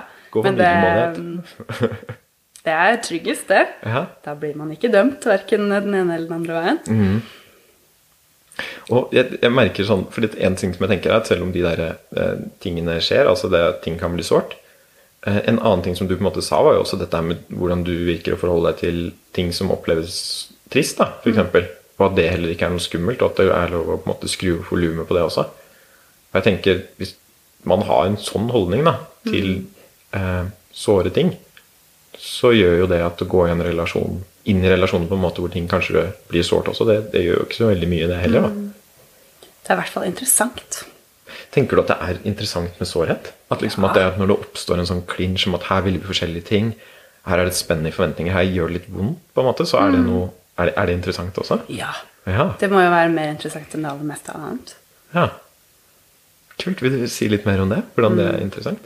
Det er nok også noe jeg har, har blitt holdt på å si flinke til, eller landa litt i det her voksenlivet som vi jo også snakka om. Yes. At det er negative følelser. Ikke sant? Bare at vi kaller de det, da. Men det vi ofte forbinder med sånn følelser vi ikke egentlig har lyst til å ha, at der skjer det veldig mye spennende. Og at det, det bor jo i oss av en grunn, og det kommer av en grunn. Og det å da kunne få lov til å liksom, som du sa, gå litt inn i de tingene, da, og, og ja, være litt nysgjerrig på eget følelsesliv, det tror jeg er kjempeverdifullt. Det tror jeg det tror jeg er en, en god ting med det å bli litt mer voksen. da. At vi kanskje lander, lander litt. Har kanskje litt mindre sånn Hva tenker andre om meg? hele tiden. Og, og gå litt bort fra det her andre tenker, og heller kjenne litt etter i seg sjøl. Mm. Ja, forhåpentligvis er jo det man skal få til. liksom Når man kommer der og faktisk kunne klare å tune inn på sitt eget kompass der litt. da. Ja. Og den, det kan godt hende at den veien til det faktisk går gjennom å tillate seg selv å kjenne på de negative følelsene og sånn også. Jeg tror det er veldig mye sånn autentisitet i både frykt og sorg og sinne og alt mulig sånn også. Det sier jo noe om hva som er eh, hva er det som er ditt behov, eller hva er det du trenger akkurat i dette øyeblikket her også. Og så tenker jeg det er jo sånn kult når du sier det at dette, dette faktisk er noe interessant og givende hvis det blir sårt og litt vanskelig også i relasjoner. For det tar jo enda mer av brodden ut av dette. Altså Da blir jo de tingene som jeg omtaler noe som risikoen, altså å, fæle ting som kan skje i relasjoner, blir jo da noe interessant som kan være givende og lærerikt også. da. Så avvisning, for eksempel, da. Hvis vi tenker at det er faktisk noe som er litt interessant, da gjør det jo ikke noe å bli avvist. Da kan man kanskje slippe den sosiale angsten som gjør at vi liksom som gjør at jeg blir på en måte litt var når jeg går inn i relasjonene. Ja. Jeg tror kanskje den, en, av de, en av de tingene jeg opplever at blir clinch på en sånn ikke god måte, det er jo når jeg har, har tenkt veldig mye hmm. jeg, jeg tenker Jeg gir andre benefit of the doubt. Og tenker da at hvis du avlyste en avtale, så handler ikke det om meg. Det handler om at du har en veldig god grunn. Eller bare ikke Ikke sant? Jeg stoler på at du har tatt den riktige avgjørelsen for deg. Og da må det være greit for meg også, fordi jeg bryr meg jo om deg. Ja. Men hvis andre da f.eks. blir sure på meg hvis jeg avlyser en avtale, da kan jeg kanskje bli litt sånn irrasjonelt liksom, Nesten litt sånn sint. Liksom stoler du ikke på at jeg Selvfølgelig vil jeg egentlig det her. Og jeg har jo, jeg har jo tatt en, en avgjørelse her fordi det er viktig for meg. At, at der kan jeg oppleve at det blir litt, eh, litt clinch. Ja, ikke sant? Og der er det jo kanskje de forventningene som krasjer litt igjen også. Ja. Og er det da sånn at oi, clinch, yay, kult, da kan vi på en måte lære noe, og dette var interessant, og, og sånne ting, eller er det På sikt, tror jeg. Ja. Men, men akkurat, jeg tror jeg kan romme veldig mange ting. Hvis jeg, hvis jeg opplever at folk ikke har den eh, romsligheten tilbake, da, da, da tror jeg da, da sitter det litt lenger inne og, og bare på en måte Ok! Da blir jeg litt sånn mm. Får liksom eh, Ja, at det kanskje tar litt lengre tid å få, få komme litt over det, på en måte. Og så heller da ta det opp igjen og, og prøve å måte forklare hva skjedde her, og ta litt tak i det. Ja. det Ja, så det er ikke sånn at det automatisk blir på en måte bare interessant, og yay, nå er vi på hverandre, så hver gang det skjer ting og sånn Det tror jeg det ville, det ville vært eh, Jeg vet ikke, kanskje det er del av liksom det spennende i det her, da. Men jeg tror det, det tar meg litt lengre tid å komme til den meta-biten. Ja. At da er jeg litt lengre i, en, i det ubehaget. Mm. Eh, og så senere så kan jeg reflektere på det og, og komme igjen til Det var interessant. Og det der er veldig, det er kjempekrevende også. Men jeg tror det er noe å øve på dette. Jeg må komme raskere til metabiten når det kommer til de tingene der. Altså. For det er noe med å jeg tror også da å bare liksom sånn krangle med kjæreste, for eksempel, så merker jeg at da når vi krangler, så krangler vi, liksom. Og så kan vi kanskje liksom et par timer etterpå klare å nøste det opp igjen. Ja. Og så tror vi av og til, og da blir jeg sånn stolt, liksom, når vi klarer å være sånn Oi, merker du, nå krangler vi faktisk. Ja, Yes. Og sånn stoppe, sånn timeout, akkurat som sier det. liksom ta, det, ta seg i det. Ja. Og klare å på en måte romme det, de spenningene som er der også. Og jeg, jeg tror dette her ligner veldig på hvordan vi skal forholde oss til eh, relasjoner på jobb også. Eh, for det, og det har jeg ikke sagt det, siden vi har ikke snakket om hva vi gjør og sånn, men jeg, jeg forsker på team. Eh, så det er det jeg holder på med til dag, eh, daglig. Yes. Forsker på samarbeid i startups. Eh, og en ting som, og det er liksom på siden av egenforskningen, da, men jeg tror en ting som grupper bør lære seg for å bli bedre til å jobbe sammen, det er å klare å holde angst sammen. Altså angst i bred forstand, altså Holde holde aktivering, eller holde at 'oi, her ble det ubehagelig', uten å måtte stikke av på det, eller få utblåsninger, eller whatever. da, må faktisk klare å, nå, nå kjenner vi at nå er det noe som skurrer her mellom oss. Klarer vi å snakke om det? For det er utrolig mange av de tingene man em, trenger av grupper, da, som vi vet fra på en måte, forskning på team at det er sunt for grupper. Type å klare å gi hverandre tilbakemeldinger, klare å ta timeouten og gå til metanivået. Ja. em, klare å være kritiske og uenige til hverandre. Alle de måte, tingene er potensielt kilder til litt sånn negativitet. da, At det kan, være, at det kan bli litt sånn skremmende og angstfylt mellom oss. da.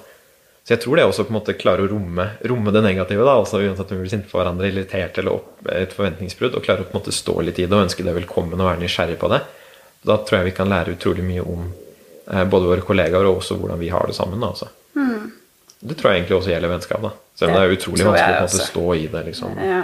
når det skjer. da. Men også kunne, jeg tror det For å kunne få til det, da, for å kunne eh, sitte med den angsten sammen, så tror jeg det er litt viktig å ta det på et relativt lavt nivå. Yes! Bra.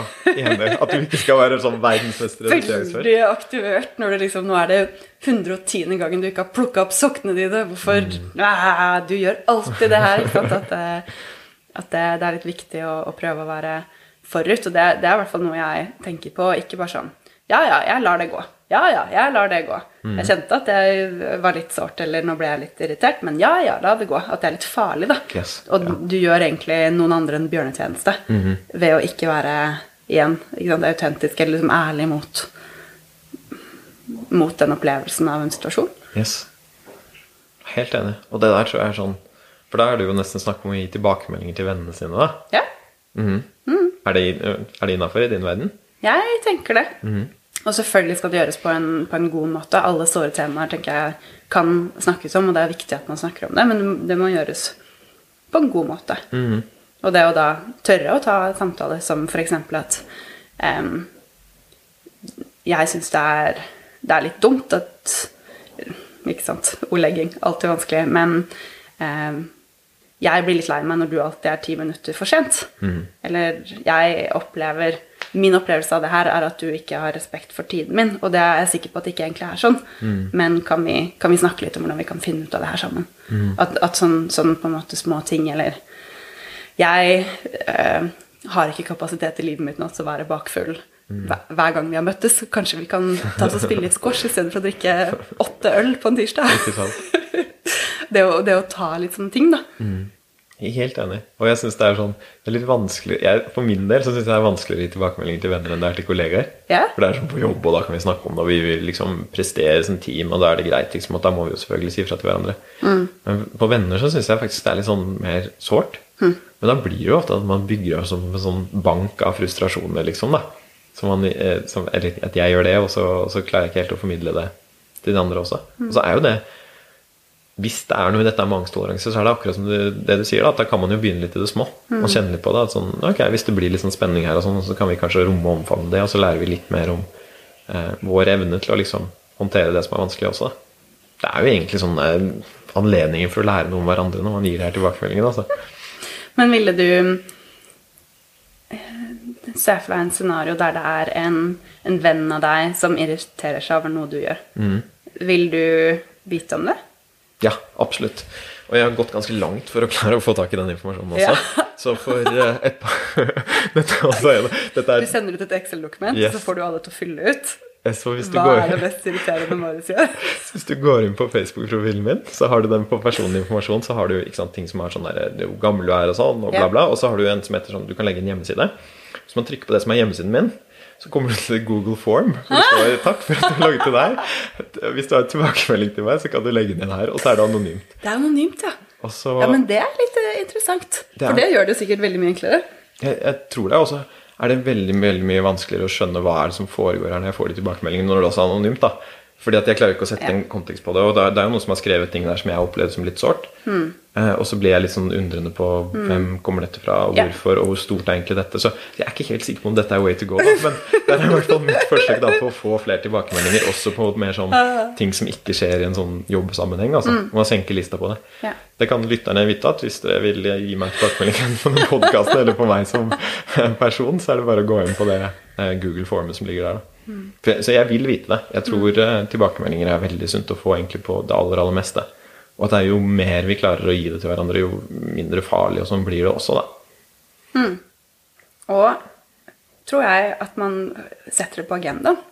Det er igjen det her med å liksom fasilitere. At hvis man Jeg jobber mye på frivillige prosjekter. Ja. Det er så innmari viktig å sette av tid til en, en runde. Sjekke inn. Eh, Det er så vanskelig å, når alle er opptatt å bryte inn og si vet du hva, akkurat nå har jeg det sånn, eller den praten vi hadde i stad, har jeg gått og tenkt på. Um, men hvis man da har satt av den tida til å ha en sånn check-in-runde, da er det rom for det. Og det tenker jeg at i hvert fall når jeg tenker i, i mitt liv, da, så kunne vi vært veldig mye flinkere til det på jobb. Jeg er Mange av spesielt uh, rollespill-live-vennene mine er veldig gode på det her. De, de, ja, de, de tenker Men de, de har liksom De har også knekt den her koden med at vi er designere av vårt eget liv. Det kommer liksom med living? Eller er det at, at det er sånn, Hva kommer sant, først der, liksom? Det vi Ja. gjør i live, er jo å skape en annen verden. Kan ikke du forklare sånn hva live er? For jeg har hørt det Ja. nevne det en gang, men jeg tror det er Ja. mange som ikke har hørt om living i det hele tatt. Og jeg, jeg syns dette er spennende, for jeg tror dette her er noe som jeg tror også vi kommer inn på nå, som handler litt om å være litt mer lekende relasjoner også, Mm. som det virker som det er. Men, men hva, er, hva er live? Live er en form for rollespill. Og det fins omtrent like mange sjangre av live som det fins filmer. Den type live jeg holder på med, er noe som kalles for F4. Har du hørt Nordic LARP? Eller nordisk live. Ja. Som da som oftest går ut på å utforske noe som er samfunnsrealistisk. Så det går annet veldig mye på relasjoner og situasjoner. Okay. Der du enten skaper en helt ny verden, altså den som designer liven, skaper en ny verden. Eller du tar jo da som oftest utgangspunkt i verden sånn som den er, og så Ja. tweaker du forskjellige ting. Okay. Leker med Se for deg at livet er et eh, sånn eh, miksebord. Der du kan skru ting opp, og du kan skru ting ned. Hva skjer hvis vi tar bort en av de her faktorene? Ja, ok. Og det kan da være en sånn kjøreregel for, eller norm, f.eks.? Yes. Kan du ta ut sånn Hva hvis alle var samme kjønn? Ja. Ja. Ok. Og selvfølgelig er det Det her går jo på Det det er litt som improteater i den forstand at det er Det er ikke noe manus. Så du, du bruker som oftest ganske mye tid på å forberede deg, så du finner ut hvem er, hvem er karakteren jeg spiller her. Ja. Hva, hva er det her mennesket jeg skal på en måte ta på meg? Eh, opptatt av hvordan har det det, hva er det jeg syns er spennende å utforske her? Og så er det jo og dette fortsatt velger du litt selv, eller får du på en måte et sånn Her er karakteren din, liksom. Du må, nå er du denne personligheten. Det varierer. Ja. Det kan være begge deler. Noen, noen eh, liver har lagd eh, karakterer på forhånd. Så vil man jo alltid sette farge til den karakteren med seg sjøl. En karakter Hvis du får en A4-side med tekst om en karakter, så vil den uansett være forskjellig om du og jeg er spilleren. Ikke sant? Så man, man vil jo ta med sin egen tolkning. Vitsen med det her er jo å utforske. Ja, kult. Og det høres Når du, du snakker om på en måte det er verden sånn som den er i dag, og det Mm. høres ut som det handlet om sosiale relasjoner, så er det da å utforske Er det da hva sosiale relasjoner kan være? Og, Det kan være mye. Det kan, ikke sant, igjen. Det kan være veldig mye forskjellig.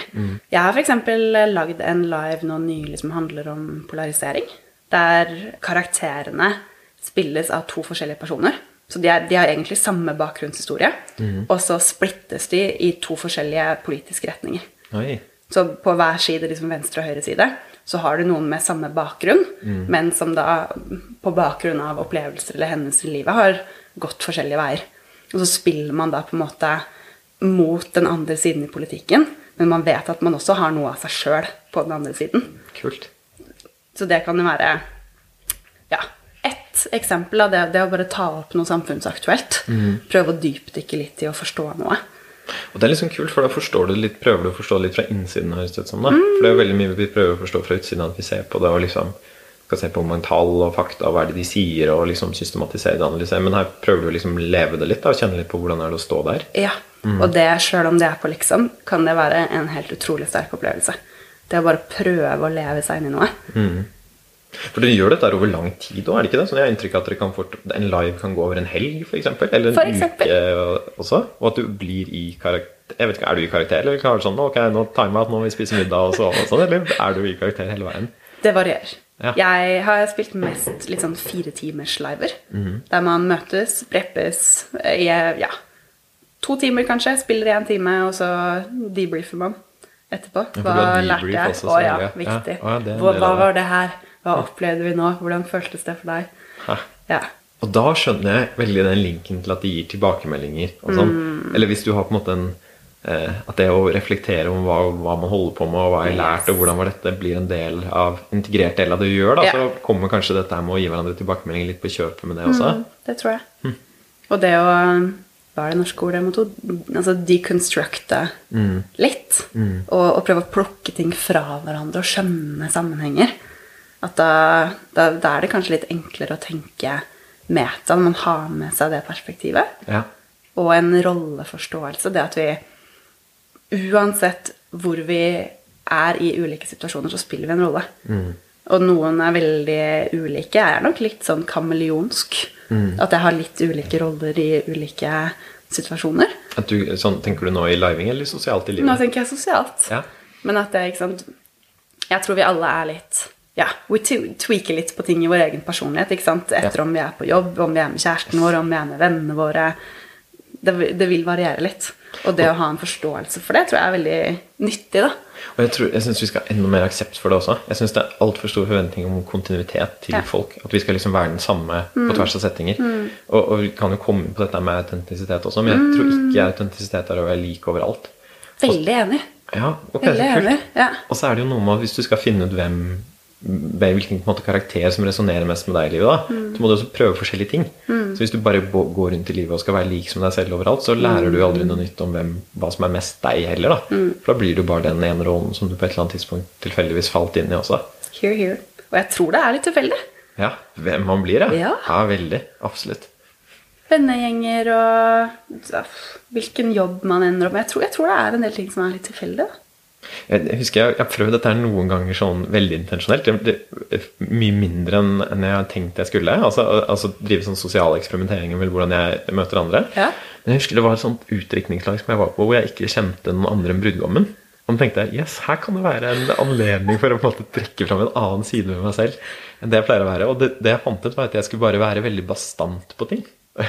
For at det, det hadde jeg fått en tilbakemelding gjennom dette skjemaet. da, At jeg ofte er så nyansert i diskusjoner og skal si den ene siden ja, og den andre siden. Og sånn, og jeg er kanskje komfortabel der, og da kan man på en måte unngå feil. Jeg vet, jeg vet ikke hvorfor jeg gjør det. Nei. Og så tenkte jeg ok, nå skal jeg gå inn i diskusjoner. Og hvis jeg føler en liten tendens til at jeg mener heller mot én side, skal jeg bare ta og argumentere som en, ekstrem da, for akkurat det standpunktet der. Og bare prøve ut det og kjenne Ja. hvordan føles dette her. Og, og det, sånt syns jeg man skal gjøre veldig mye mer av, egentlig. Og da kan man komme til meg og spørre om live. Ja. For det er veldig lite risikofylt, i motsetning til kanskje å gjøre det her i, i det ekte livet. Og jeg tror det er rom for å gjøre mer av det ekte livet også. Det tror jeg også. Men det ufarliggjør Det tror jeg også. veldig da, hvis Ja. du kan ha det på en måte som en del av et. Men er, Ja. er det det dere gjør? Altså, Det er akkurat det. Ja, okay, kult. Det er akkurat det. Det høres jo veldig befriende ut, da. Ja, for da har man- har et alibi. Ja. Så, ja, ikke sant? så du får midlertidig tillatelse til å på en måte Være annerledes. Ja. Det høres ordentlig befriende ut å. Ja, være det. Det er, det er Jeg tror det er veldig mange som tenker at det er skummelt. Mm. Og det er litt skummelt også. Men jeg syns aller mest så er det nettopp det du sier, det er befriende. Fordi du er på en måte Du er en annen person uansett nå. Ja. Det, er ikke, det her er ikke noe som du skal dømmes for, eller konsekvensene er ikke dine, da. Du slipper liksom å være deg sjøl. Ja. Ja. Det er jo veldig greit. Det var, det var deilig Hva, hva føler du ut av det sjøl, da? Eller pre, preger det eller spør på en annen, preger det hvordan du møter folk ellers? liksom? At du, at du driver og liver og Jeg tror det gjør det mer enn jeg er klar over. Mm. Det er kanskje en del av det at jeg virkelig, virkelig prøver å la være å dømme folk. Mm. Det å ha vært litt eh, Prøvd å sette meg litt inn i veldig mange situasjoner, da. Mm. At det, det tror jeg kan ha rom for veldig mange ting som følge av det. Det gir veldig mening der. For i hvert fall hvis man har på en måte prøvd å leve Det høres ut som det er en øvelse å gå i andre sko også, Mm. dette med living. Og det tror jeg liksom det å leve noen Hvis, hvis du hadde levd et annet liv fra innsiden, da, så hadde Mm. du sannsynligvis ikke dømt det livet. Ikke sant? I etterkant også. Ja. Mm. Det tror jeg. Men Driver du med sånn sosial eksperimentering ellers, liksom? Når du møter folk? Er det sånn at du sånn, denne, denne måte, uken eller helgen eller i, i dette møtet skal jeg prøve å være litt mer sånn, eller gjøre litt mer sånn, eller skru, skru opp og ned på disse her bryterne sånn for egen del også? Eller Mm. tenker du at det helst bør holdes i en live-setting? Nei, jeg har gjort det, og det er jo faktisk et eget begrep som heter heter, hver gang jeg skal si noe på engelsk. Og, er, er, er, Red Live? Ja. Eh, pervasive LARP. Ok. Som handler om å rollespille blant folk som ikke er klar over at man rollespiller. Ja, Det har jeg gjort. Mm. Det er ganske gøy. det tror jeg på. Jeg syns det føles litt sketchy. Det tror jeg på også, ja. Ja. Ja. Så jeg tror nok Altså Litt sånn som, som ditt eksempel, da. Jeg tror nok det å, å skru noe litt opp eller litt ned Mm. er noe jeg absolutt kunne finne på å gå inn som en Ok, i dag skal jeg gjøre det litt. Mm. Men hvis jeg gjorde Hvis jeg endra veldig mye på meg sjøl, så tror jeg jeg ville følt at jeg var falsk Mm. overfor de andre personene jeg møtte. Det- Det, det skjønner jeg veldig. Jeg resonnerer veldig der, altså. Og, og det har jo kanskje med noe med at man ikke eh, At man har en forventning om at folk skal være seg sjæl på en eller annen måte. Selv, om, selv om det ikke er, kanskje er at vi har så høy forventning til at vi skal være så autentiske allikevel. Men i hvert fall at folk skal være lik seg selv på tvers av kontekster. Um, og det, det kan jo Man kan jo kanskje komme rundt dette her da ved å på en måte si at man tillater seg selv at nå skal vi være noe annerledes enn vi vanligvis er. Vi snakket eh, Jeg og Tone snakket litt om å ha en fest som skulle ha tema 'ditt marginale, men autentiske selv'. Som er også en del av deg selv som er ekte deg, ja. men som du ikke får lov til å vise fram til vanlig. Eller i hvert fall som du ikke viser fram til vanlig. da Og, og får lov til å skru opp den på maks volum. Det høres veldig gøy ut. Ja, sånn. Det høres ut som en live, egentlig. Det, ok, det er egentlig live. Vi har egentlig bare kopiert konseptet deres og slengt på det et annet navn. Ja, men det, det jeg tror er Jeg tror sånne ting er veldig gøy. Og så tror jeg også at for folk som ikke er vant til å tenke i de banene, så tror jeg det krever litt fasilitering Ja. for at man skal gjøre det på en, på en trygg måte. Vi må kanskje ha det når vi har den festen, da. Ja. Det er noen som må liksom sette litt sånn Ok, nå kan dere Men hvordan, hvordan gjør du det, da? Hvis du på en måte skal ha For det, jeg ser for meg at det kunne vært fint egentlig Mm. neste gang jeg går inn til en vennegjeng. Liksom. Ok, nå skal vi på en måte vri på noen brytere, og Ja. Mm. det skal være greit. Og vi skal slippe å ha den forventningen om at vi skal være oss sjæl så veldig mye akkurat her nå også. Mm. Hva, hva tror du skal til for at du klarer å liksom få til det i en gruppe? Jeg tror Altså, A har du allerede sagt. En klar setting nå de neste 30 minuttene.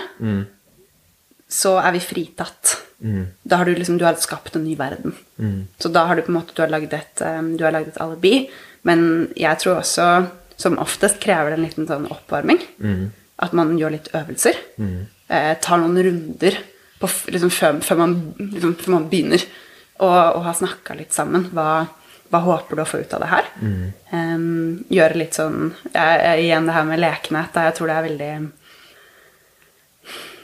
Jeg tror det er veldig viktig å bringe den lekenheten inn i det. Hvis ikke blir det så veldig høytidelig. Ja, skjønner. Og det er jo en av mine favorittleker er å leke um, pingviner og flamingoer. Og Ja, den da. Har du, det har du lett det? du må- du må yes. sånn, så, så- så, alle det- går sånn pingvingange. Ja. Og så er det en som da er flamingo, Ja. som går som en sånn Nå ser ikke det hva jeg gjør. Det er sånne høye kneløft. Høye kneløft og én arm opp i været. Um, og prøver da det. Flamingoene prøver å ta pingvinene. Mm. Helt spesifikt. Spise hjernen deres. Okay. Ja. Ja. det er ganske brutalt. Altså, Ganske brutalt. Eh, og hver gang flamingoen får tak i en pingvin Flamingoen går da litt fortere, for den kan ta lange steg. Mm. Og hver gang flamingoen spiser en pingvin, så blir pingvinen omgjort med litt sånn rykk og napp til en flamingo. Da må de gjøre litt sånn sånn. Ja. Lyd, da. Lyd er gøy. ikke sant? Og så til slutt er det bare én liten stakkars pingvin som prøver å komme seg unna. Alle og etter det så har alle vært Alle har vært noe annet. Ja. Du har lekt, du har fjasa litt, og så er det ikke så farlig lenger. Mm.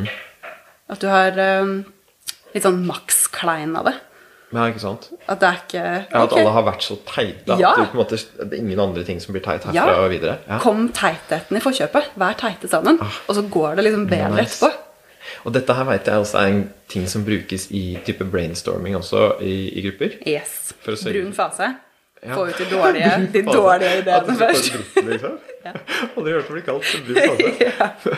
Men det å liksom enten få ut sånne ting, eller også bare fortelle på en måte en flau historie om deg selv, er jo sånn noe som gjør at du øker volumet på ideer. At folk. Mm. holder litt tilbake. For da, da kommer det også det er på en måte kleinheten i forkjøpet. da Ja. At ja, vi skal lage noen ideer, noen blir sikkert dårlige, men hvis du kan fortelle en enda dummere historie om deg selv, da Mm. Så du på en måte har, har brunet det til liksom før du setter i gang, Mm. så, så blir det mindre skummelt å komme ut med de tingene. Ja. I'm a fan. Og dette kunne jo vært fint også gjort. Jeg tenker på liksom en fest eller tilstelning eller når man møter noen nye venner også. På en måte bare være teit, liksom. Mm. Ja. Først. Det er en litt sånn life hack. Å være teit. Ja. Ja. Eller kall det lekenhet, da. ja. Le eh, Ja. Jeg tror jeg skal prøve, prøve å gjøre det her i podkasten også. Når jeg har inn gjester også. Liksom. Gjøre noe sånn rart leken.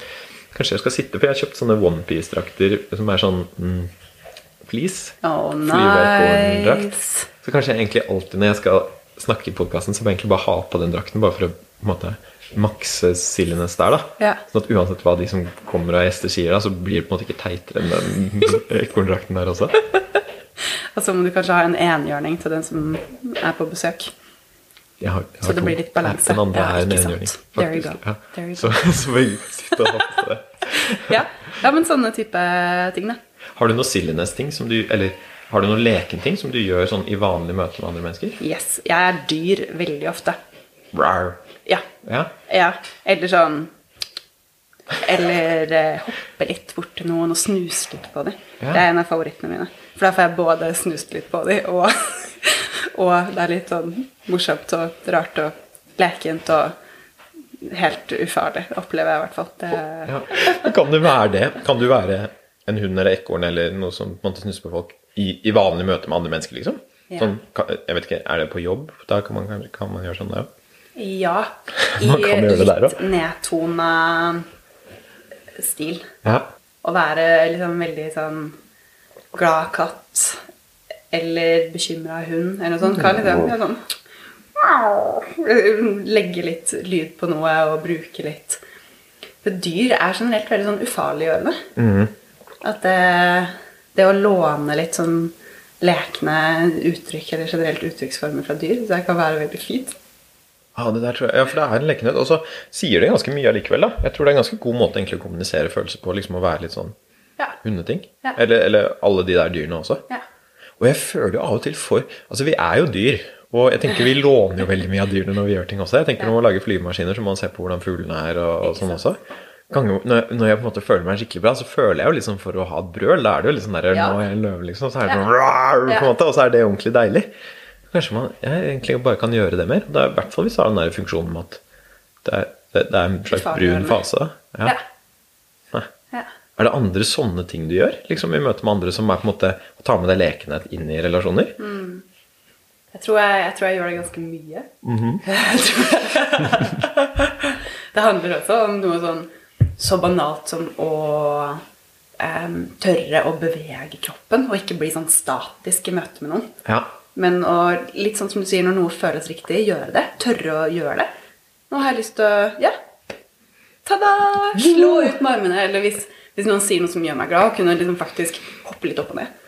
Det er utrolig begrenset vi gjør med kroppene våre, sånn, ja. uansett hvor vi er. egentlig. Liksom, Hvor mye gøy vi kan gjøre med disse her, og hvor lite vi gjør. Og det, det er sånn jeg av og til blir sånn skremt av. I hvert fall sånn som jeg som føler at jeg er litt sånn keitete på dansegulvet, f.eks., og helst ikke vil være der fordi jeg er det. Og så er det det Ja. må du bare gjøre. Ja, jeg må kanskje gjøre det. Men, men det, det som er nærmest jeg kommer på å tørre å gjøre sånne ting, er at jeg danser for meg selv. Jeg skrur Ja. alle lysene i leiligheten, og så går jeg i et rom hvor det ikke er noen vinduer, eller man kan trekke en rullegardin, og så står jeg og danser sjøl. Ja. Og det syns jeg er ganske frigjørende, og det er fint. Og det holder ikke å liksom lukke øynene, for da kan noen se det. Det må liksom være helt sånn helt mørkt, og gjerne med øyebind i tillegg, Ja. sånn at jeg slipper å se på meg selv. Men da er det ganske fritt, og da kan jeg gjøre alle Ja. de tingene som måte, kroppen har lyst til å gjøre. da. Men jeg merker jo så fort jeg kommer ut i verden der hvor eh, andres blikk er en faktor, så lukkes det veldig. Eh, og jeg har faktisk også fått tilbakemelding på at jeg har ganske lite mimikk i ansiktet. Så det er jo enda mer begrensning der også, da. Men det, jeg, jeg tror du er inne på noe der med at det er faktisk lov å bevege de tingene, og at det kan være litt lekent og gøy og, og fint også. Så prøver jeg å gjøre det, liksom. Ja. Det er sånn, føles skikkelig rart. Mamma, masse mye. Kult. Ok. Men det kanskje den ene liksom da, risiko, risikofaktoren i det da, er at uh, man oppleves kanskje som litt eh, naiv eller uh, godtroende eller mindre seriøst. Altså, du vil jo igjen Selvfølgelig i en jobbsammenheng så ville jeg jo vært mer forsiktig med å gjøre de tingene enn på et burn eller i en live eller med vennene mine som allerede eh, har en etablert mm, relasjon til. Da. Ja. Det, det å på en måte Og det er sånn som jeg har tenkt litt på også som, som ung kvinne. Og det å ønske å bli tatt seriøst. Ja. At det kan være litt på da kan det, gå, det kan gå på, på bekostning av den å bli tatt seriøst hvis jeg er sånn kjempeblid, kjempeimøtekommende. At det er en runde jeg har tatt med meg sjøl. Om jeg på en måte Burde jeg bli litt mer seriøs? Burde jeg smile litt mindre? Burde jeg nikke litt mindre når folk snakker til meg? At det, at det også har liksom vært absolutt vært ting jeg har tenkt på, da. Jeg har hørt flere andre som også har fått den tilbakemeldingen i jobbsammenhenger. Altså at du smiler for mye. Ja. Og inkludert da min kone også, som Ja. Mm. også er en ung kvinne i arbeidslivet. Som har et smil som gjør seg utrolig bra ellers. Og faktisk, og jeg var litt overrasket da jeg hørte det, at eh, hun har faktisk fått tilbakemelding på at det, du kan nok smile litt mindre. Altså. Og det er jo utrolig jeg, jeg kjøper at det er sånn, og så er det utrolig synd at vi har fått for oss at det er noe uprofesjonelt, eller at det er noe dumt, liksom.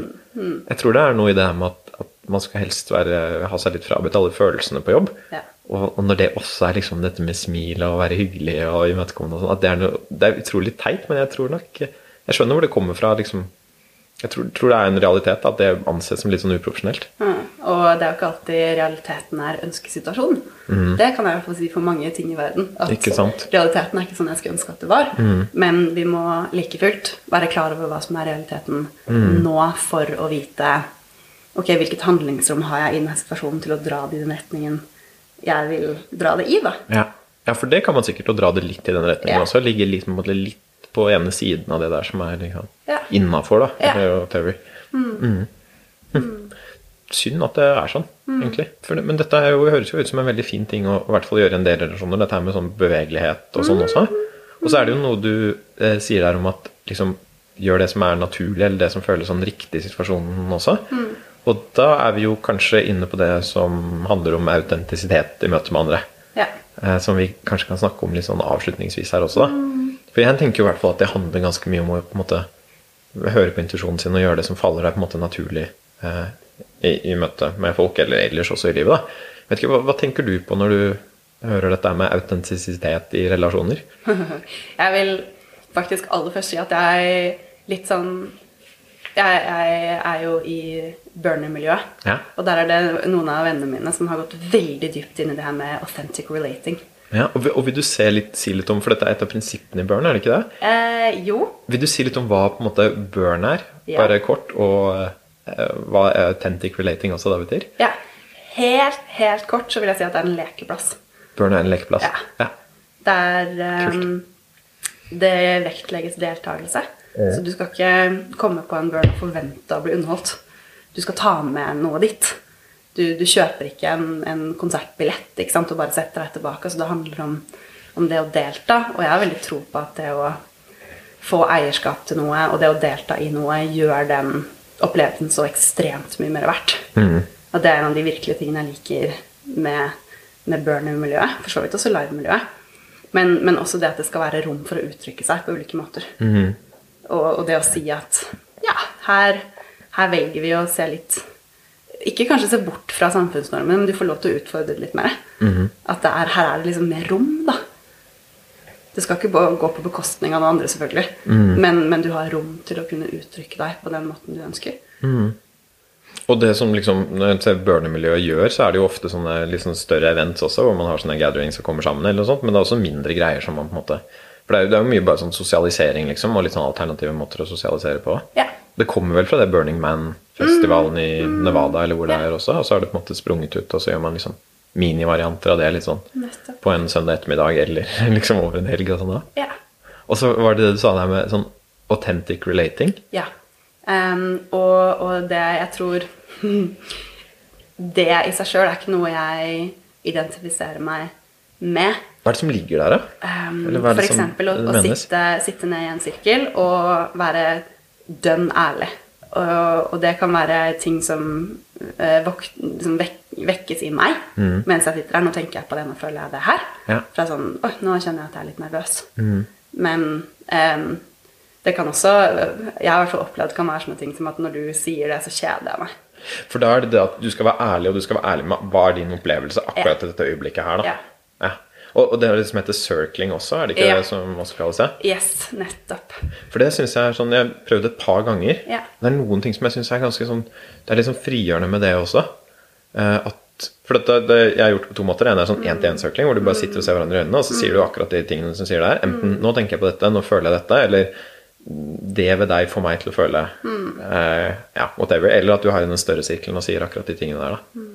Og det er der jeg kanskje opplever at det, den formen passer ikke meg best. Nei. Og jeg har veldig tro på det her med at det er, det er enklere for folk å gjøre det hvis de har en slags fasilitering der. Mm. Og det å da si liksom 'nå skal du være ærlig', jeg tror det i seg sjøl Det er ikke måten å gå for meg, da. Nei. Da vil jeg heller sånn 'nå skal vi få stille hverandre spørsmål om hvordan vi har det'. Ja. Eh, og du kan gi meg tilbakemelding på hvilke spørsmål jeg stiller deg, Mm. eksempel. Men, men sånn Ja, igjen det her med å være på en måte ærlig innafor noen rammer. Skjønner. og og da, da syns jeg det er enklere å være ærlig Mm. eh, enn i en sånn situasjon. Og kanskje det er bare noe vi kan og burde øve på. Mm. Men for meg har det vært mer Det har vært litt ubehagelig og har gjort at jeg har mindre lyst til å være åpen og ærlig. Mm. Og det er jo synd. Ja, Det er kjedelig hvis det går i den retningen. Ja. Og er det da ting som liksom bare at det var en kjip opplevelse, eller at det var kjedelig og sånn, eller var det på en måte ting som kom fra andre som du opplevde som sårende? Eller at Mm. du skulle ønske at Du, Det, det jeg kjente på mest Nå har jeg prøvd circling én gang, Ja. men vi, vi var en veldig stor gjeng. Ja. Og jeg, jeg tror jeg bare kjente på at det her er ikke For meg passer det ikke å være åpen og ærlig og da også sårbar i en så stor gjeng. At jeg tror, det, jeg tror det er igjen da veldig sånn situasjonsavhengig, men jeg tror det er veldig i hvert fall for meg da, så passer det mye bedre å gjøre det enten i mer fasiliterte former eller i mye mindre eh, grupper. Eh, med, med litt mer rammer enn sånn stillhet, go. Ja, ikke sant? Det er, jeg syns den der én-til-én-søklingen egentlig er finere enn en sånn mange sirklinger. Og det tror jeg at det, det blir litt mer intenst også, syns jeg, når det er én-til-én. For da på en måte skjer det noe hele tiden, og så er det bare på en måte de to som er i en interaksjon, som, eh, som sitter og, og satt ord på ting også. Men Det, det syns jeg kan være en ganske sånn kul greie. altså. For da kommer du sånn ut av det giret som er en samtale. For jeg føler jo ofte det er sånn Måten voksne mennesker forholder seg til hverandre, er jo stort sett via samtale. Mm. Og det er jo litt sånn der ens, ensformig måte egentlig å være med hverandre på. Jeg tenker Når man var barn, så gjorde man mer sånn Da hadde man liksom en lek. Du har jo livingen, så du har på en måte Ja. faktisk tatt med deg dette her på noen måte. Og så kan man sånn Man har jo lagsport, ikke sant. Det holder jeg heller ikke på med lenger. Det er jo en annen måte å være med andre mennesker. Men så sitter man igjen med liksom samtalen, da, som veldig mye gjøres. ikke sant? Vi har jo en samtale nå i podkasten, eller så kan man kanskje Nå skal jeg møte en kompis senere i kveld, da skal vi også sitte og prate, liksom. Det blir veldig mye av det, da.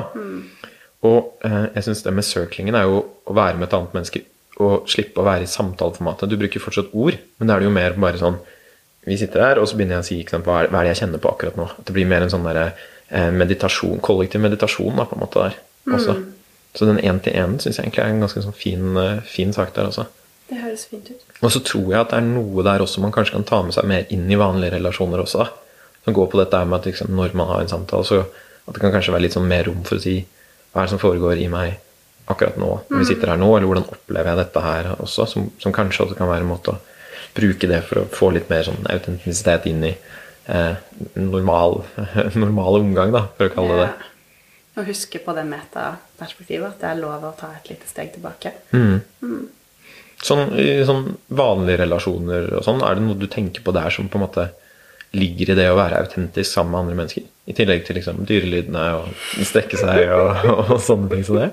Um, jeg liker kanskje de, de voksenvennene mine som jeg setter aller mest pris på, er de jeg stoler på at sier ifra hvis de trenger noe. Ja. Og med en gang vi har etablert den tilliten, så er det liksom så greit. At hvis jeg da foreslår et eller annet, så er det helt greit at du sier at det har ikke jeg lyst til å gjøre nå. Ok, det er greit. Og det er jo veldig frigjørende hvis man slipper hvis man, Du skal tenke på andres behov, da, men du slipper å på en måte drive og ha de på radaren hele tiden. Da, for at du, du, det skal ikke være så mye sånn tvetydighet rundt det, men at du Ja. vet at det kommer. Ja. Da kan man jo faktisk gasse på og liksom sette ord på sine egne behov også, da, fordi man vet det kommer der. Også. Og så har jeg også veldig tro på det her med Jeg liker også veldig godt, sånn som eh, tilbake til Jonas sin vennemodell, da. Ja. Eh, det her med aktivitet, eller, eller å gjøre noe, noe sammen. Eh, og da tror jeg det kan, det kan, ikke sant Fra brettspill til å liksom finne på noe som er litt utenom det vanlige. Det her med å lage en opplevelse sammen. Ja. Det har jeg veldig tro på. ja, det høres ut som ligger i både livingen og i bjørnen også. Ja. Hæ. Og hvordan ser det ut, da? Når du lager liksom sånne hverdagsopplevelser mm. sammen med folk du liker? Mm, det kan være um, å gå på et lite eventyr, f.eks. Kult. Har du vært inne i det lille smuget her noen gang? Nei, ikke jeg heller. Nå skal vi gå og sjekke det ut. Så kan du Ja, utforske det? Det gjør vi. Ja.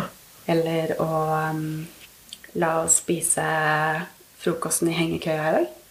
Da trenger man ikke gå langt. Kan gå til nærmeste park og sette opp uh, hengekøya. Det er trær utenfor her, liksom. Ikke sant? Ja, Det er ikke mer enn det man trenger. Ja.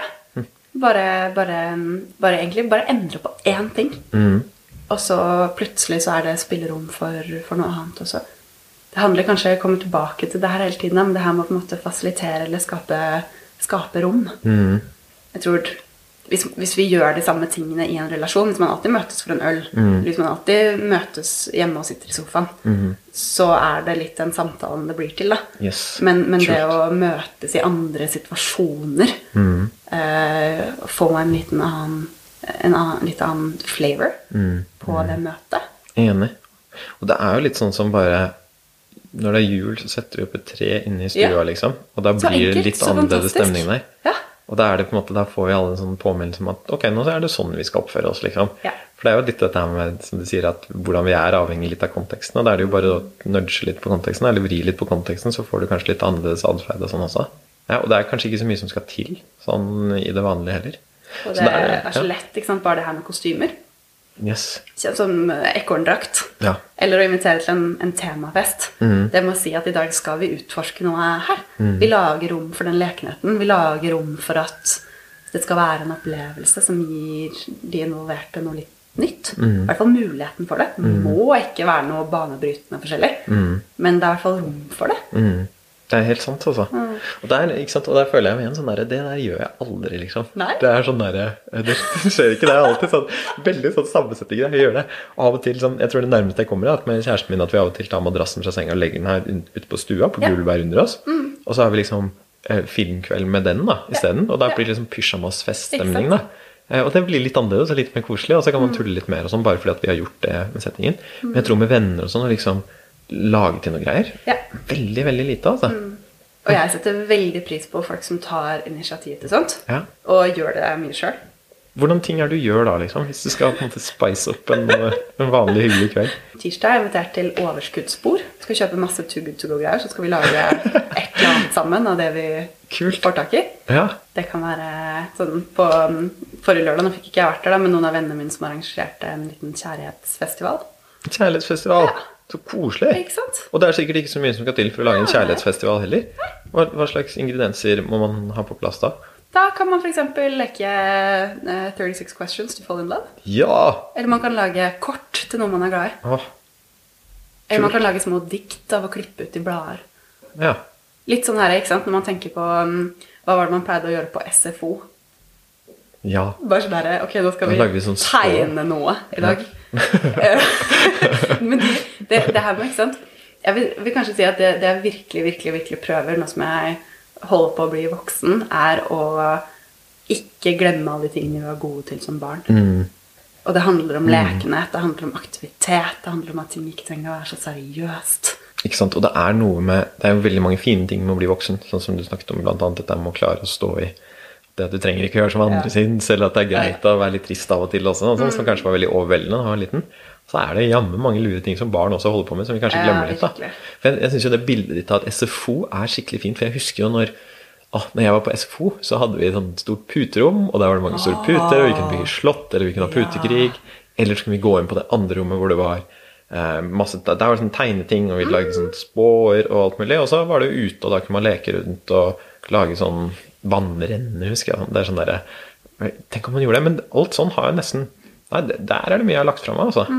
Jeg synes En ting som jeg faktisk syns er sykt gøy, som jeg gjør altfor lite, er å bygge Lego. Ja. Og det gjør jeg når jeg er hjemme hos mamma og pappa. Så er det en sånn stor sånn legokasse med andre var liten. Det er veldig solstemning. Og så bare velter alt utover gulvet. Og så er det sånn Ja, nå kan vi bygge sånn romskip og ridderborg, og, Ja. og, og så leke med det og sånn. Ja. Og, og den står jo ikke her heller, da, den derre ja, Mm. eh, Lego-kassa. Den blir jo liksom hjemme hos mamma, så den kunne jeg ha tatt med. Ja, for er det sånne ting som det der som du liksom. Mm. får fylt livet litt med? Altså? Hva er det mest barnslige du gjør, da? Oi! Å, kanskje jakte på løv. Det er jo høysesong for det nå, da. Ah, Det er stas. Eller faktisk, og sånn, hvis jeg kommer til en bakke, sånn fly ned bakken, sånn ut med armene. Sånn Wii! Og så liksom løpe ned bakken. Det syns jeg er veldig fint. kult. Ja. Gjerne hvis det er folk der. Syns jeg det er enda morsommere. Ja. For jeg ser også at de blir på en skala fra litt sånn pinlig berørt til bare sånn de er underholdt. De syns også at det her er Det er ikke noe jeg gjør som går på bekostning av dem. Det er bare noe de også liksom bare sånn Oi! Ha! Det Oi! Og så tenker de kanskje litt på noe som følge av det. At det har litt sånn, litt sånn butterfly-effekt. Det er så kult at du ser på det på den måten også, da. Det syns jeg sier egentlig ganske mye sånn. For da hadde jeg tenkt sånn Nei, hva tenker de andre om deg? Og, og så trodde jeg du skulle si noe sånn Ja, så gjør det ikke noe om de syns jeg er litt teit, men det er jo ikke sånn det stemmer. Det er liksom bare sånn derre Da sprer du liksom er butterfly-tingene. Ja. Og, og det gjør det helt sikkert også. Mm. jeg merker jo det også når jeg ser andre som flyr rundt og tuller og sånn, så blir jeg sånn Ja, det kan jeg gjøre også, liksom. Det er jo kjempefriskt å spre de butterflyene. Den er jo egentlig en lekeplass. Sånn, eh, prøve Ja. å gå 100 meter med en fireåring. ikke sant? Alt er gøy. Og det å balansere på ting. Eller å, når det er sånn um, ilagte steiner på bakken, og prøve å hoppe paradis på steinene og sånn. Ja. Altså, hvis man begynner å se etter det og tillater seg det, Mm. så er det jo egentlig invitasjoner til lek overalt. Ja, og ikke sant, Når du sier at det er bare en, en nedoverbakke eller et løv som flyr, liksom, det holder, da kan man sette for leken Ja. inni seg, da. Ja, det, det er jo faktisk overalt. Det er jo masse sånne her ting. altså. Det har vært veldig gøy. Jeg syns sånne metaforer liksom, på hvordan du skal tenke på livet, er ganske morsomme. Og eh, en sånn som jeg har tenkt på, er sånn hva hvis man behandlet livet mer som en dans og mindre som en reise? Og bare sånn setter man ned og tenker på ok, hvordan vil det sett ut. Og da, da blir det sånn Jo, disse tingene hadde jeg faktisk gjort annerledes. da. Ja. Jeg tror også det kanskje gjelder med sånn hvis verden faktisk Hvis du går inn for å se på verden som en lekeplass, da. Ja.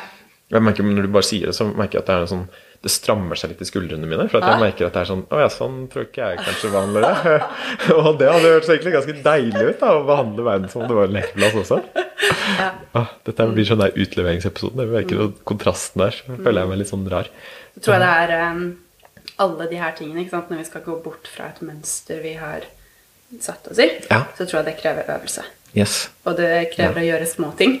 Hvis man da bare kan ta ett lite diskré skritt til sida og tråkke på et løv, og så hente seg inn igjen, Mm.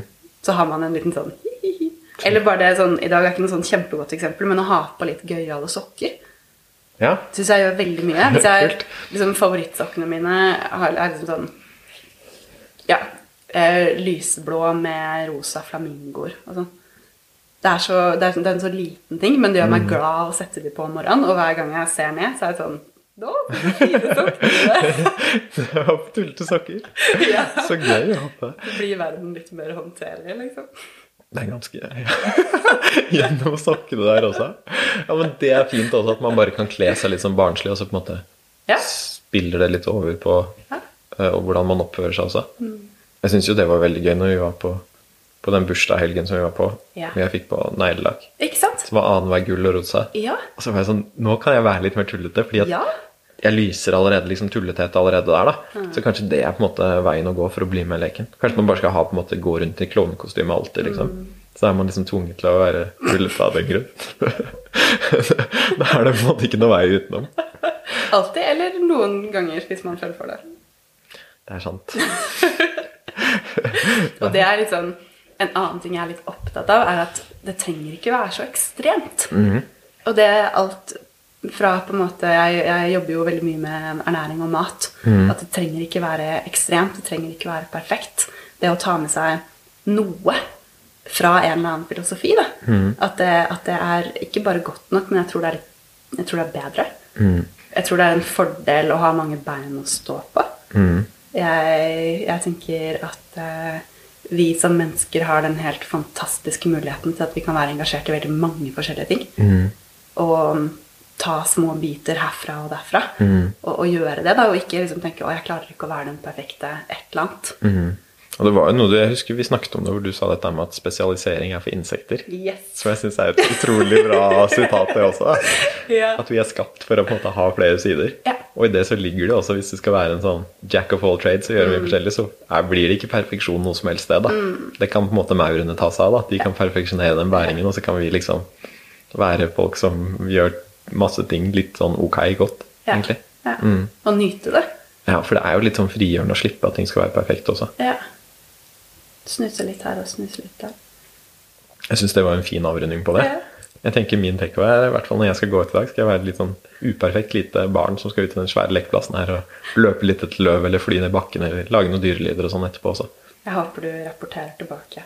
Det skal jeg. er spent på um, no pressure, men litt pressure. Sånn hyggelig pressure. Det der tror jeg også er en fin ting å gjøre med vennene sine. Å ha litt pressure på det også. Ja. Det har vi godt av. Ja. Tusen takk for at du kom i podkasten, Moslag. Tusen takk.